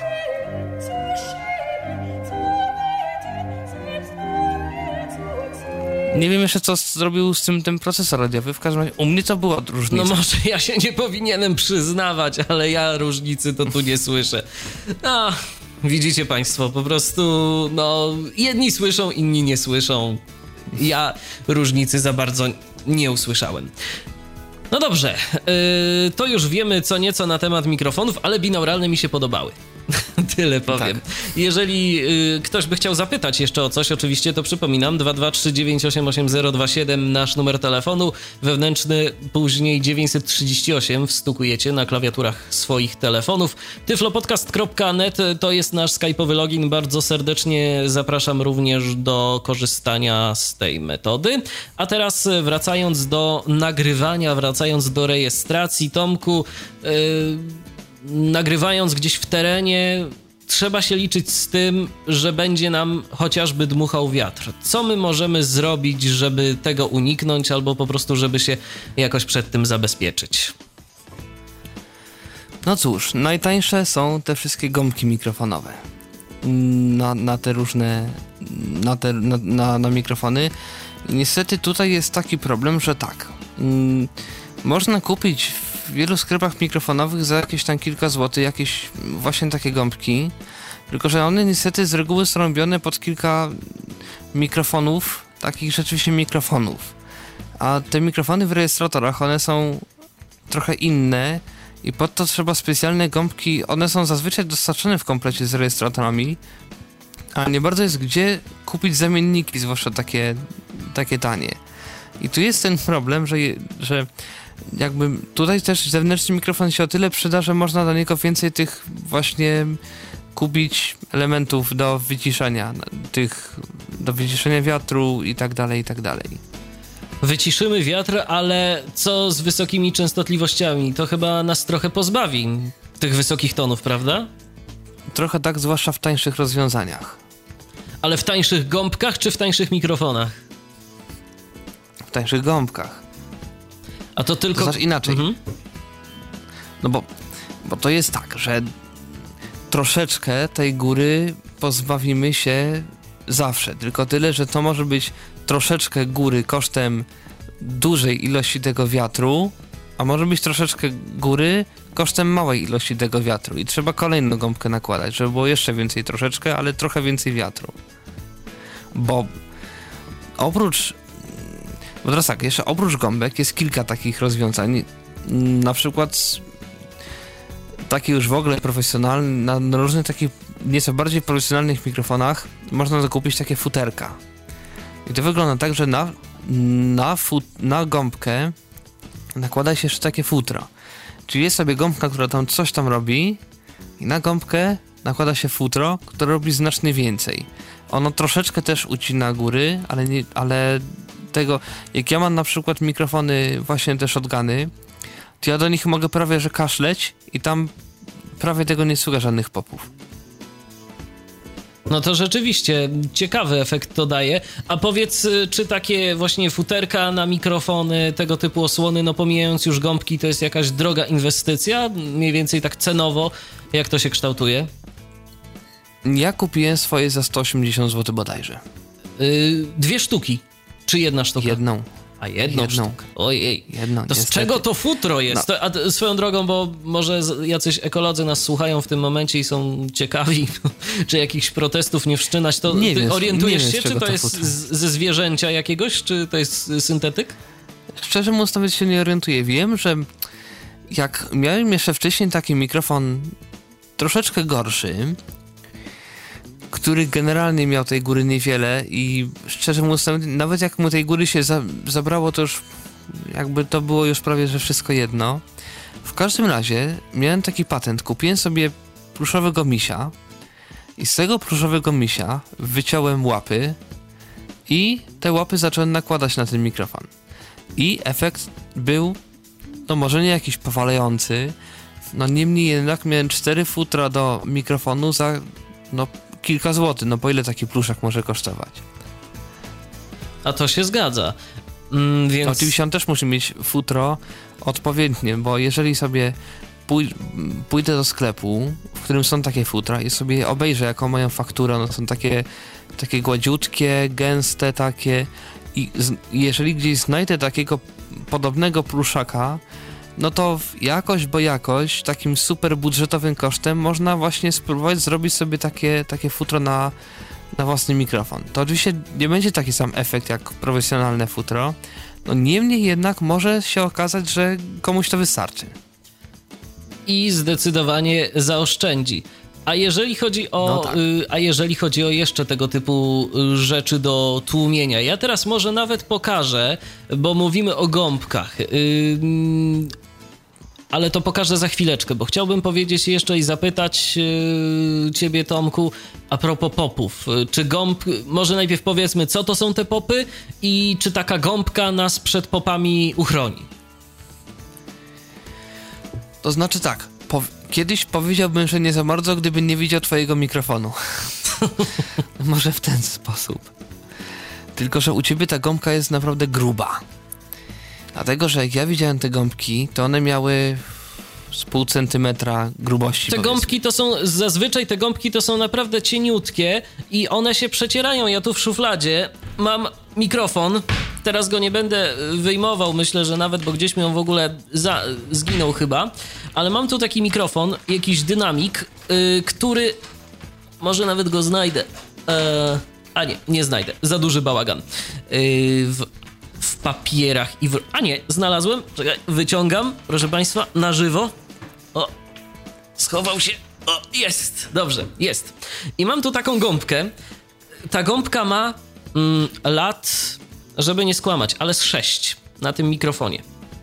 Yy, ona bardzo ciekawie wygląda, bo tak, yy, z boku to się jeszcze może jakoś tam powiedzmy prezentuje, natomiast z przodu to ta gąbka jest po prostu bardzo cieniutka i w jednym miejscu ona jest zwyczajnie przetarta.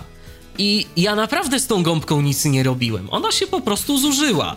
Ja nie wyczyniałem z nią żadnych rzeczy dziwnych. Ona po prostu sobie była na mikrofonie, yy, ona była może parę razy zdejmowana i ona najzwyczajniej w świecie się zużyła. Także z tymi gąbkami to jest prawda, a na tym mikrofonie, który mam przed sobą, yy, czyli na Shure SM7B dostarczana gąbka w komplecie, no to jest naprawdę gąbka solidna. Tak, ona ma kilka centymetrów chyba grubości. Ona jest w ogóle z dwóch warstw jakby tak wykonana. Ja ją zaraz zdejmę, bo chciałbym pokazać różnicę. Yy, to, to, może, to może wtedy yy, będzie można bardziej opowiedzieć na temat tej gąbki, ale w ogóle ale powiedzmy... wiesz, że też nie wszystkie typy osłon jeszcze wymieniliśmy. No właśnie, bo jeszcze, chcia... jeszcze chciałem powiedzieć a propos yy, i zapytać cię, pop filtry są jeszcze na przykład. Ale, to, ale to jeszcze nie. No jeszcze to jeszcze co? coś innego wcześniej powiedzieć. Jeszcze są takie co? osłonki, Ponieważ tak, jak kiedyś byłem na. Mm, może ktoś słuchaczy kojarzy taki projekt Zobaczyć Morze. Polega to na tym, że się płynie na statku Zawisza Czarny gdzieś tam. No i na tym rejsie, na którym ja byłem, był sobie pan z telewizji. I ten pan z telewizji miał sobie kamerę i do tej kamery miał mikrofon. I na tym mikrofonie, oprócz gąbki, oprócz futra, była jeszcze taki trzeci typ osłonki, i to jest, znaczy osłonki, to jest osłona. Dlatego, że to jest takie coś, że jakby między futrem a mikrofonem, futro się nakłada na taki, ja wiem jak to nazwać, na taką jakby obudowę z takimi dziurkami śmiesznymi, z takiego jakby plastiku. I teraz ten plastik ma jakieś 15 cm szerokości i 30, może 30 parę długości. I w tym takim kokonie to takie jest trochę, no może nie tak jak jajko, ale takie trochę jak, nie wiem, jak pudełko od, od, z niespodzianki, może coś takiego. Takie podłużne coś. I do tego podłużnego czegoś wkłada się mikrofon I to jeszcze było na czymś, co się nazywało uchwyt pistoletowy. Bo uchw... I to jest jeszcze kolejna jakby osłonka, tylko że ona nie, nie tłumi wiatru, tylko tłumi to, jak ktoś tym mikrofonem jakoś tam rusza. Jak ja sobie wezmę ten mój mikrofon do ręki i nim zacznę ruszać, to mu się robią różne dziwne rzeczy. Natomiast tym, ten uchwyt pistoletowy pozwala mi na. mm, Znaczy tak, bo uchwy, mikrofon w takim uchwycie jest jeszcze umocowany na takich gumkach kilku. I te gumki to są pełnią rolę takich amortyzatorów, które jeszcze pozwalają temu mikrofonowi trochę się no jakby właśnie zamortyzować te drgania drgania. od Mhm. ręki, czy tam od, od, jak to tam się trzyma. No w każdym razie, jak, ja wzię, nałożyłem wszelkie te osłony na ten mikrofon, gąbkę, potem to to takie coś, ten, ten zeppelin to się naz- jakby i potem futro, to tam był dosyć silny wiatr. Ja wiem ile to może było, ze 40 na godzinę. Tego wiatru praktycznie w ogóle nie było słychać. A jak y, brzmiało to, kiedy pozbawiłeś ten mikrofon tych wszystkich osłon? Łapał mocno, jak się No domyślam. to wiatr, wiatr w ogóle prawie że zagłuszył wszystko inne. Prawda też jest taka, że te mikrofony, które są wbudowane w rejestratory, yy, takie budżetowe i podejrzewam, że zresztą nie tylko, yy, typu właśnie jakieś zoomy i podobne urządzenia, one strasznie są czułe na yy, podmuchy wiatru. Yy, Strasznie, nawet jeżeli yy, w zoomie jest dos- dołączona osłonka przeciwwieczna, to to za wiele nie daje moim zdaniem i tak.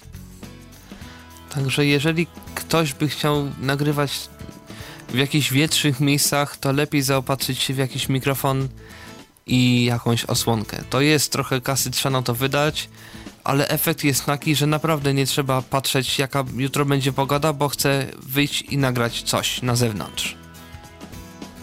To teraz może o tych popach powiedzmy, bo a to propos jest... jeszcze ciekawostek, Aha, aha. a propos jeszcze No osłonek, jako nie, niedawno taką ciekawostkę widziałem jeszcze osłonkę przeciwdeszczową. O, Chodzi o to, że jest sobie takie coś, co się zakłada na mikrofon. Ja tego nie widziałem mm, ręcznie, tylko na stronie internetowej.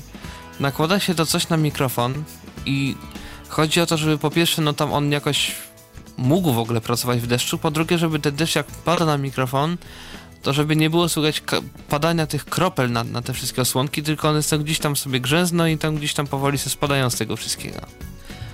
I tak wyposażony mikrofon już można zabierać na różną dziwną pogodę. A jak w ogóle mikrofony mają z odpornością na y, wilgoć? Y, nie stanie się nic takiemu urządzeniu, jak y, zabierzemy je gdzieś w deszcz i będziemy chcieli coś nagrywać? To znaczy powiem tak. Z tego co wiem, no to raczej się nie zaleca takich rzeczy. Natomiast jak miałem kiedyś mikrofon, znaczy mam go do tej pory nawet, taki no rzeczywiście za tam kilkanaście czy tam ile tam złotych, podłączyłem sobie ten mikrofon do minidyska. W związku, w związku z tym, że już miałem nowy mikrofon, to postanowiłem zaeksperymentować. Włożyłem mikrofon do wanny, do gdzieś tam jeszcze, tam do, do umywalki, pod wodę i ten mikrofon przez chwilę miał taki dziwny dźwięk, taki zupełnie pozbawiony góry, ale jakoś tam wysechł, odparowała mu ta wilgoć i zadziałał normalnie, ale to był jeden mikrofon. Jakby się inne zachowały, Nie No nie bierzesz wiem. odpowiedzialności. nie biorę odpowiedzialności. A pod wodą Wiem, w ogóle jaki przykład- był efekt nagrania? Pod wodą był taki, pod wodą był taki efekt, że ta góra w ogóle zniknęła. W zasadzie wszystko było słychać. Mniej więcej coś takiego było słychać. No to ciekawy efekt. Natomiast jak się, natomiast jeżeli się puściło wodę, to był taki przester, to był tak solidny dźwięk, coś tak w wodzie roznosi, że to po prostu nie, da, nie mogłem. Nawet jak ściszyłem mi dyska, to było cicho, ale, ale po prostu przesterowało się przez masaż mi dysku. To był taki poziom sygnału. Z ciekawości próbowałeś na przykład włożyć jeszcze dodatkowo głowę do wanny, tam gdzie jest ten mikrofon i coś do niego mówić? To nic nie dawało, bo, no bo jak się mówi pod wodą, to też się tego nie słyszy. Znaczy słyszy się. No, blu, blu, blu, blu. No takiego. właśnie, jakiś taki No bulgot. mikrofon to samo słyszał. Aha, rozumiem. No, nie mogłem nie, nie próbowałem zapytać. jeszcze, głoś... nie próbowałem jeszcze głośnika wkładać do wody. Kiedyś będę musiał spróbować, jak sobie kupię jakieś takie małe głośniki.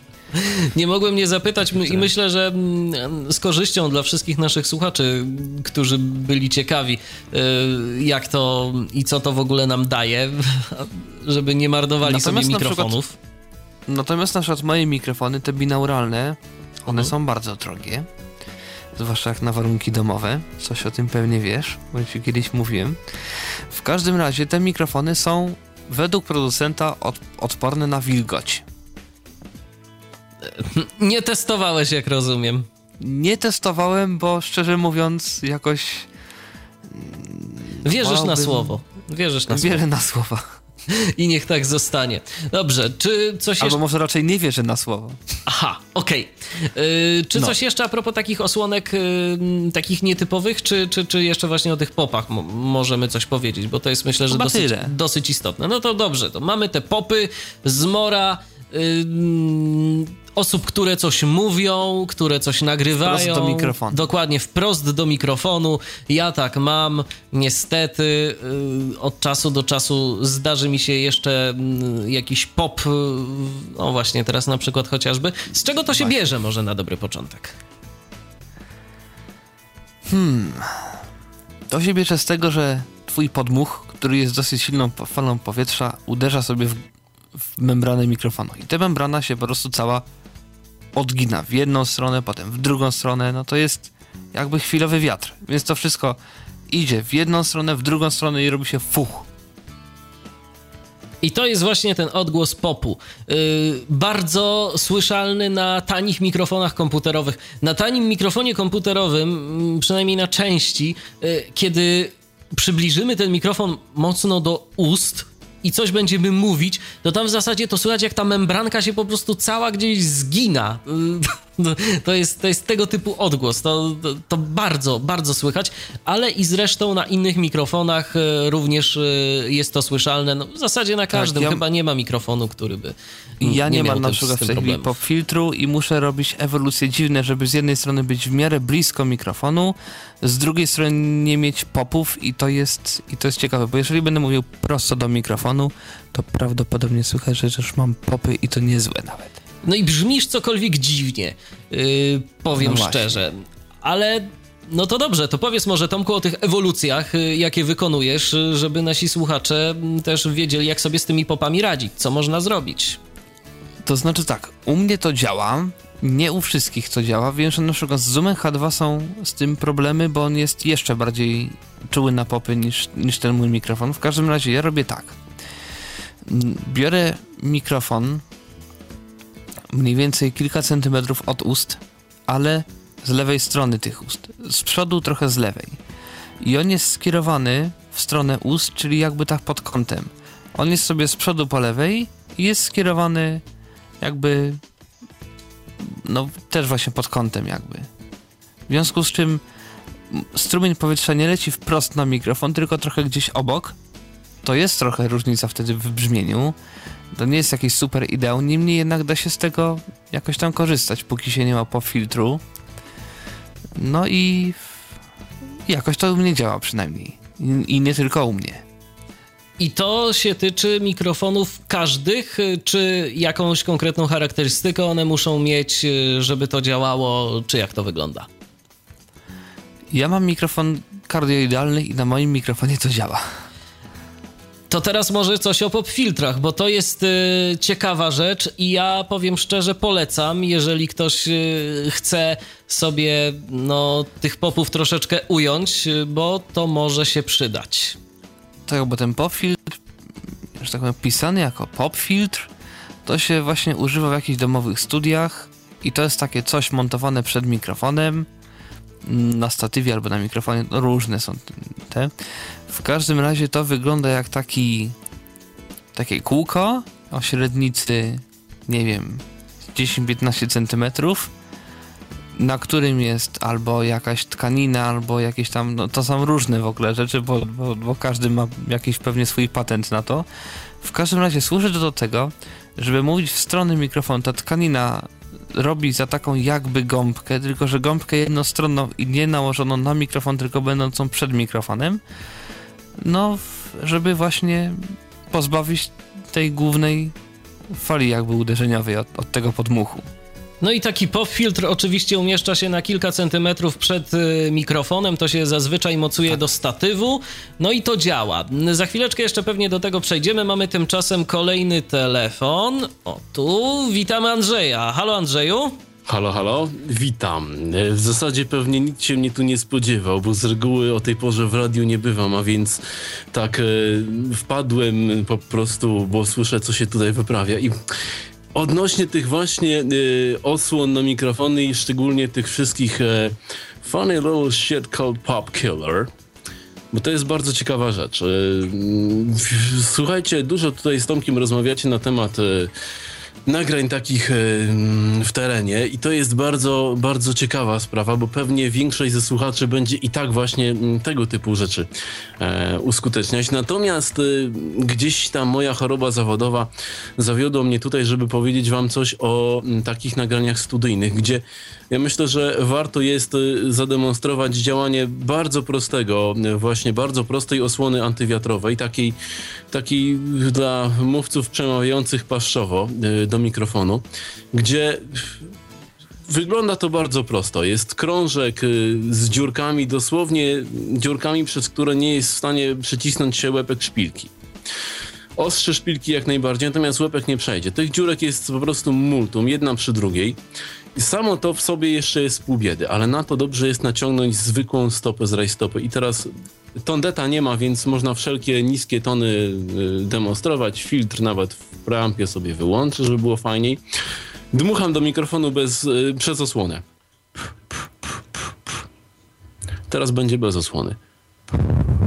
O, no to efekt jest rzeczywiście, efekt różnica jest. Piorunujący, jest. Efekt jest piorunujący, słuchajcie, więc ja osobiście polecam. To jest rozwiązanie naprawdę niskobudżetowe. Ja to chyba nabyłem za jakieś 80 zł i to w sklepie muzycznym, do którego się fatygowałem yy, z buta, tak więc jeżeli ktoś chce szukać yy, gdzieś tam przez yy, internet taniej, pewnie jeszcze nabędzie.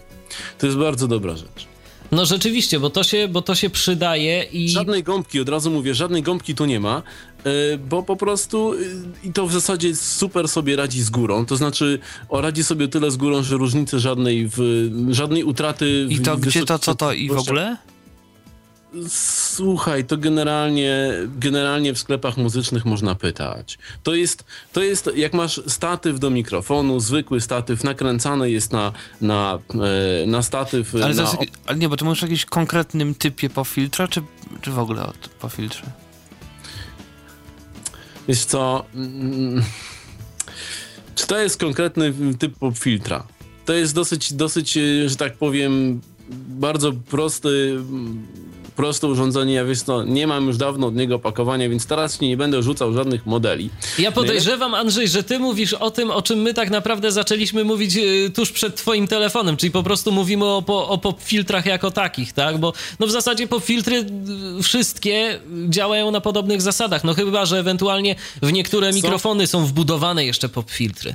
Są takie popfiltry, które, które to widziałem zresztą u ciebie. Różne są. Ty miałeś, ty miałeś taką obręcz, yy, na której miałeś dwie yy, tkaniny, żeby nie powiedzieć szmaty. Tak? Zgadza się.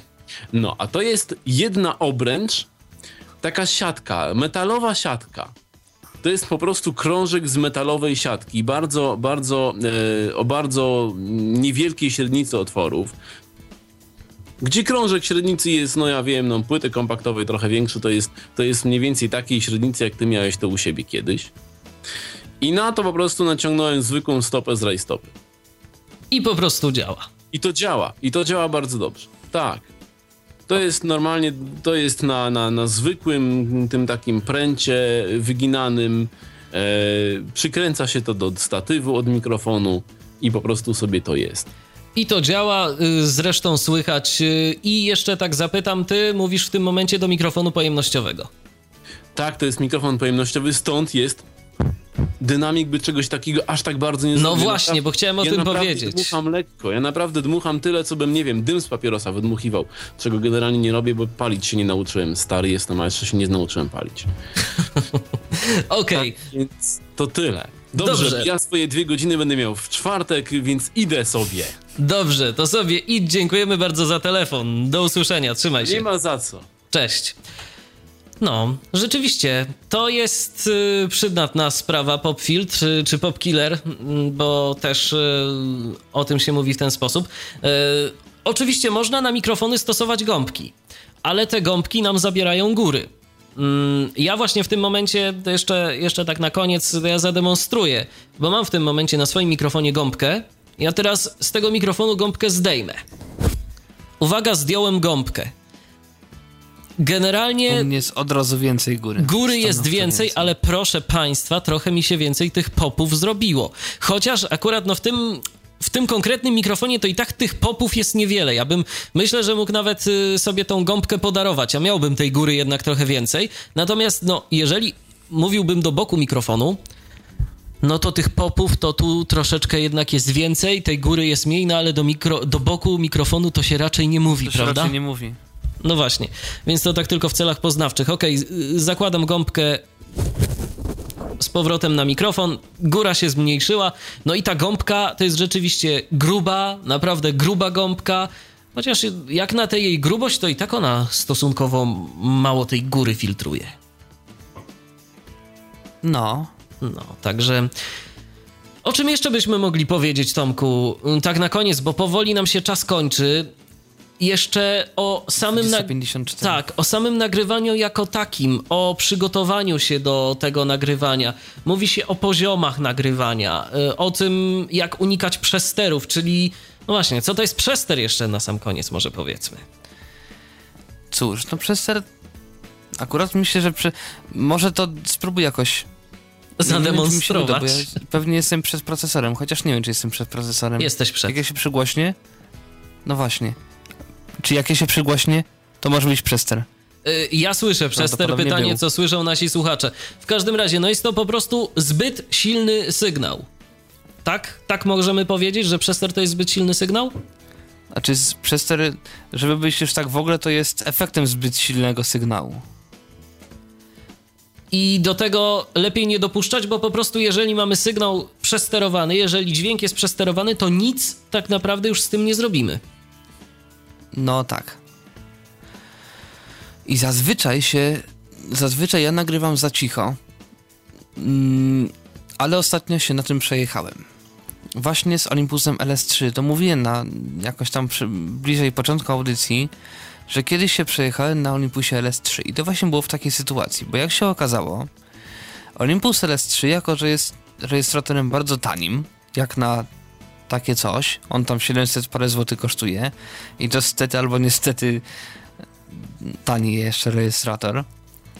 I teraz miałem taki problem, ponieważ najpierw nagrywałem coś właśnie liniowo, czyli przez, wykorzystałem mikrofon, wejście mikrofonowe jako wejście liniowe. I teraz jak odłączyłem mikrofon, to miałem nadal bardzo słaby sygnał wejściowy. No ale nagrywałem jakieś tam próbki, wtedy akurat nagrywałem porównanie e, właśnie Olympusa i Rolanda R05. No i dobra, nagrałem te próbki. Nawet nie sprawdzałem na słuchawkach, jak mi to się nagrywa, bo z tego co pamiętałem, to to jakoś tam się w miarę nagrywa. Idę do komputera, zgrywam z Rolanda, odsłuchuję, jest dobrze. Zgrywam z, z Olympusa, patrzę, prawie nie słychać. Mówię, dobra, nagrywam to w Wave'ie. Wave jest formatem takim, który nie powinien tam robić jakichś dużych rzeczy, jeżeli to się przygłaśni. Ja to przygłaśniam, patrzę, szumi gorzej od kasety. No i niestety okazało się, że Olympus ma swój poziom szumów, niezależnie od ustawienia przezmacniacza mikrofonowego, który sobie jest zawsze na jakimś tam poziomie. I tu niestety nie można za bardzo cicho nagrać, ponieważ za ciche nagranie niestety będzie powodowało więcej szumów. No niestety, więc y, zazwyczaj można przyjąć, że lepiej zostawić sobie tego zapasu troszeczkę przy nagrywaniu, ale też nie warto przesadzać, bo po prostu szumy nam wyjdą, a kiedy będziemy chcieli to podgłośnić, no to automatycznie zwiększymy te szumy.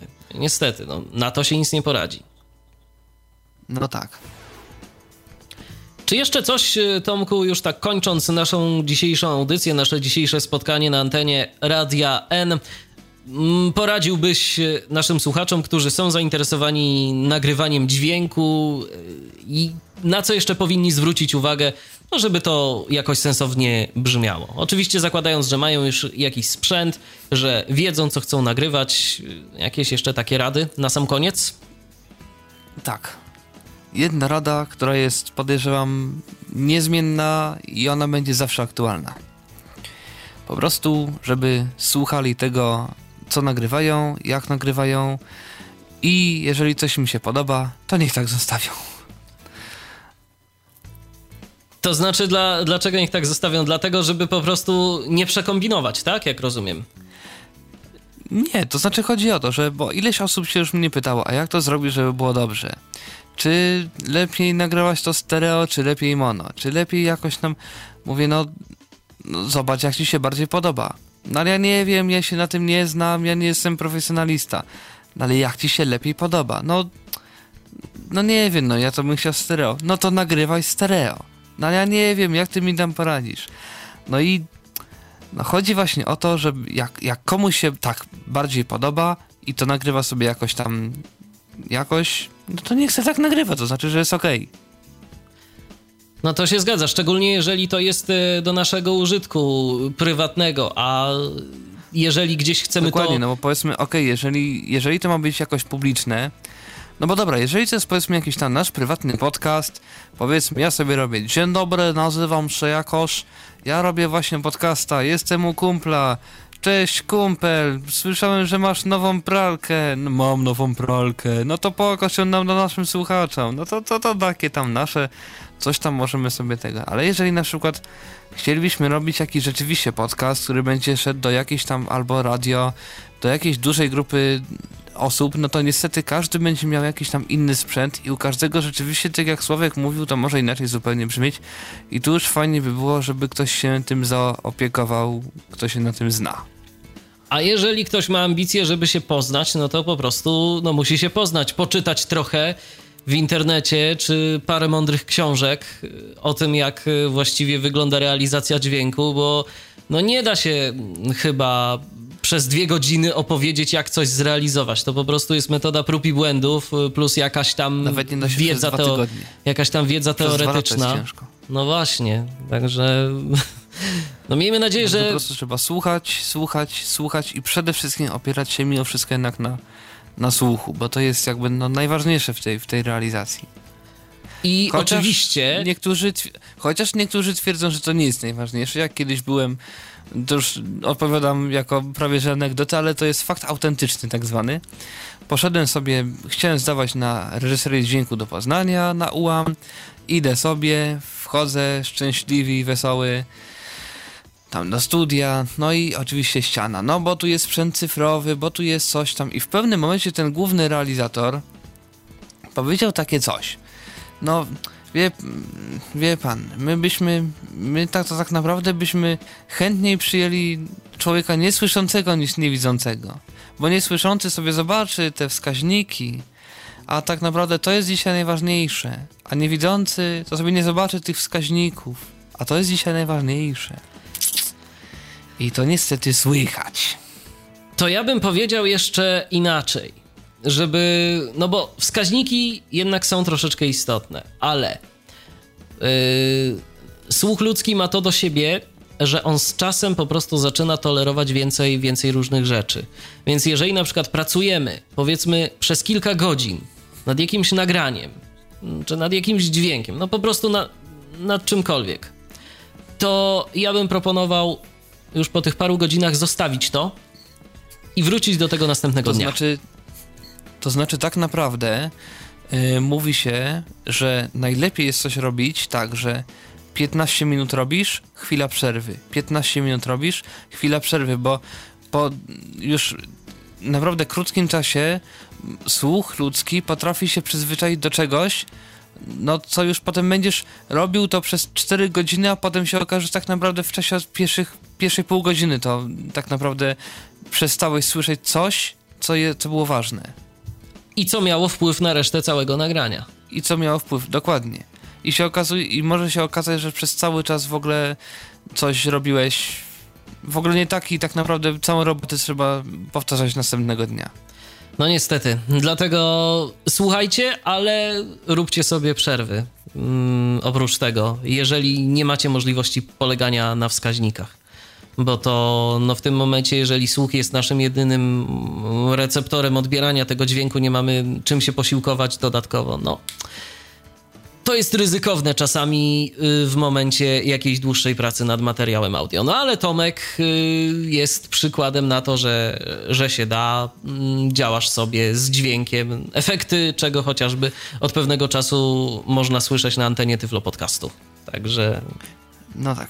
No właśnie. Także nie jest źle. Dobrze. Yy, dzisiejsza nasza audycja dobiega powoli do końca. Yy, Tomku, dziękuję Ci bardzo za w niej współudział. No i do usłyszenia następnym razem. Ja również dziękuję. Przypomnę, że moim, a przede wszystkim waszym gościem był Tomek Bilecki. Rozmawialiśmy dziś na temat dźwięku, na temat rejestracji dźwięku, na temat tego, co jest w tej rejestracji tak naprawdę istotne. A kolejny Tyflo Podcast w Radiu N już za tydzień. Zapraszam bardzo serdecznie i do usłyszenia. Michał Dziwisz, kłaniam się nisko. My spotykamy się Również za tydzień oczywiście, no ale także jeszcze wcześniej w audycji takiej typowo muzycznej na antenie Radia N, w audycji zatytułowanej z archiwum M. Do usłyszenia, pozdrawiam. Był to Tyflo Podcast. Audycja o technologiach wspierających osoby niewidome i słabowidzące. Audycja współfinansowana ze środków Państwowego Funduszu Rehabilitacji Osób Niepełnosprawnych.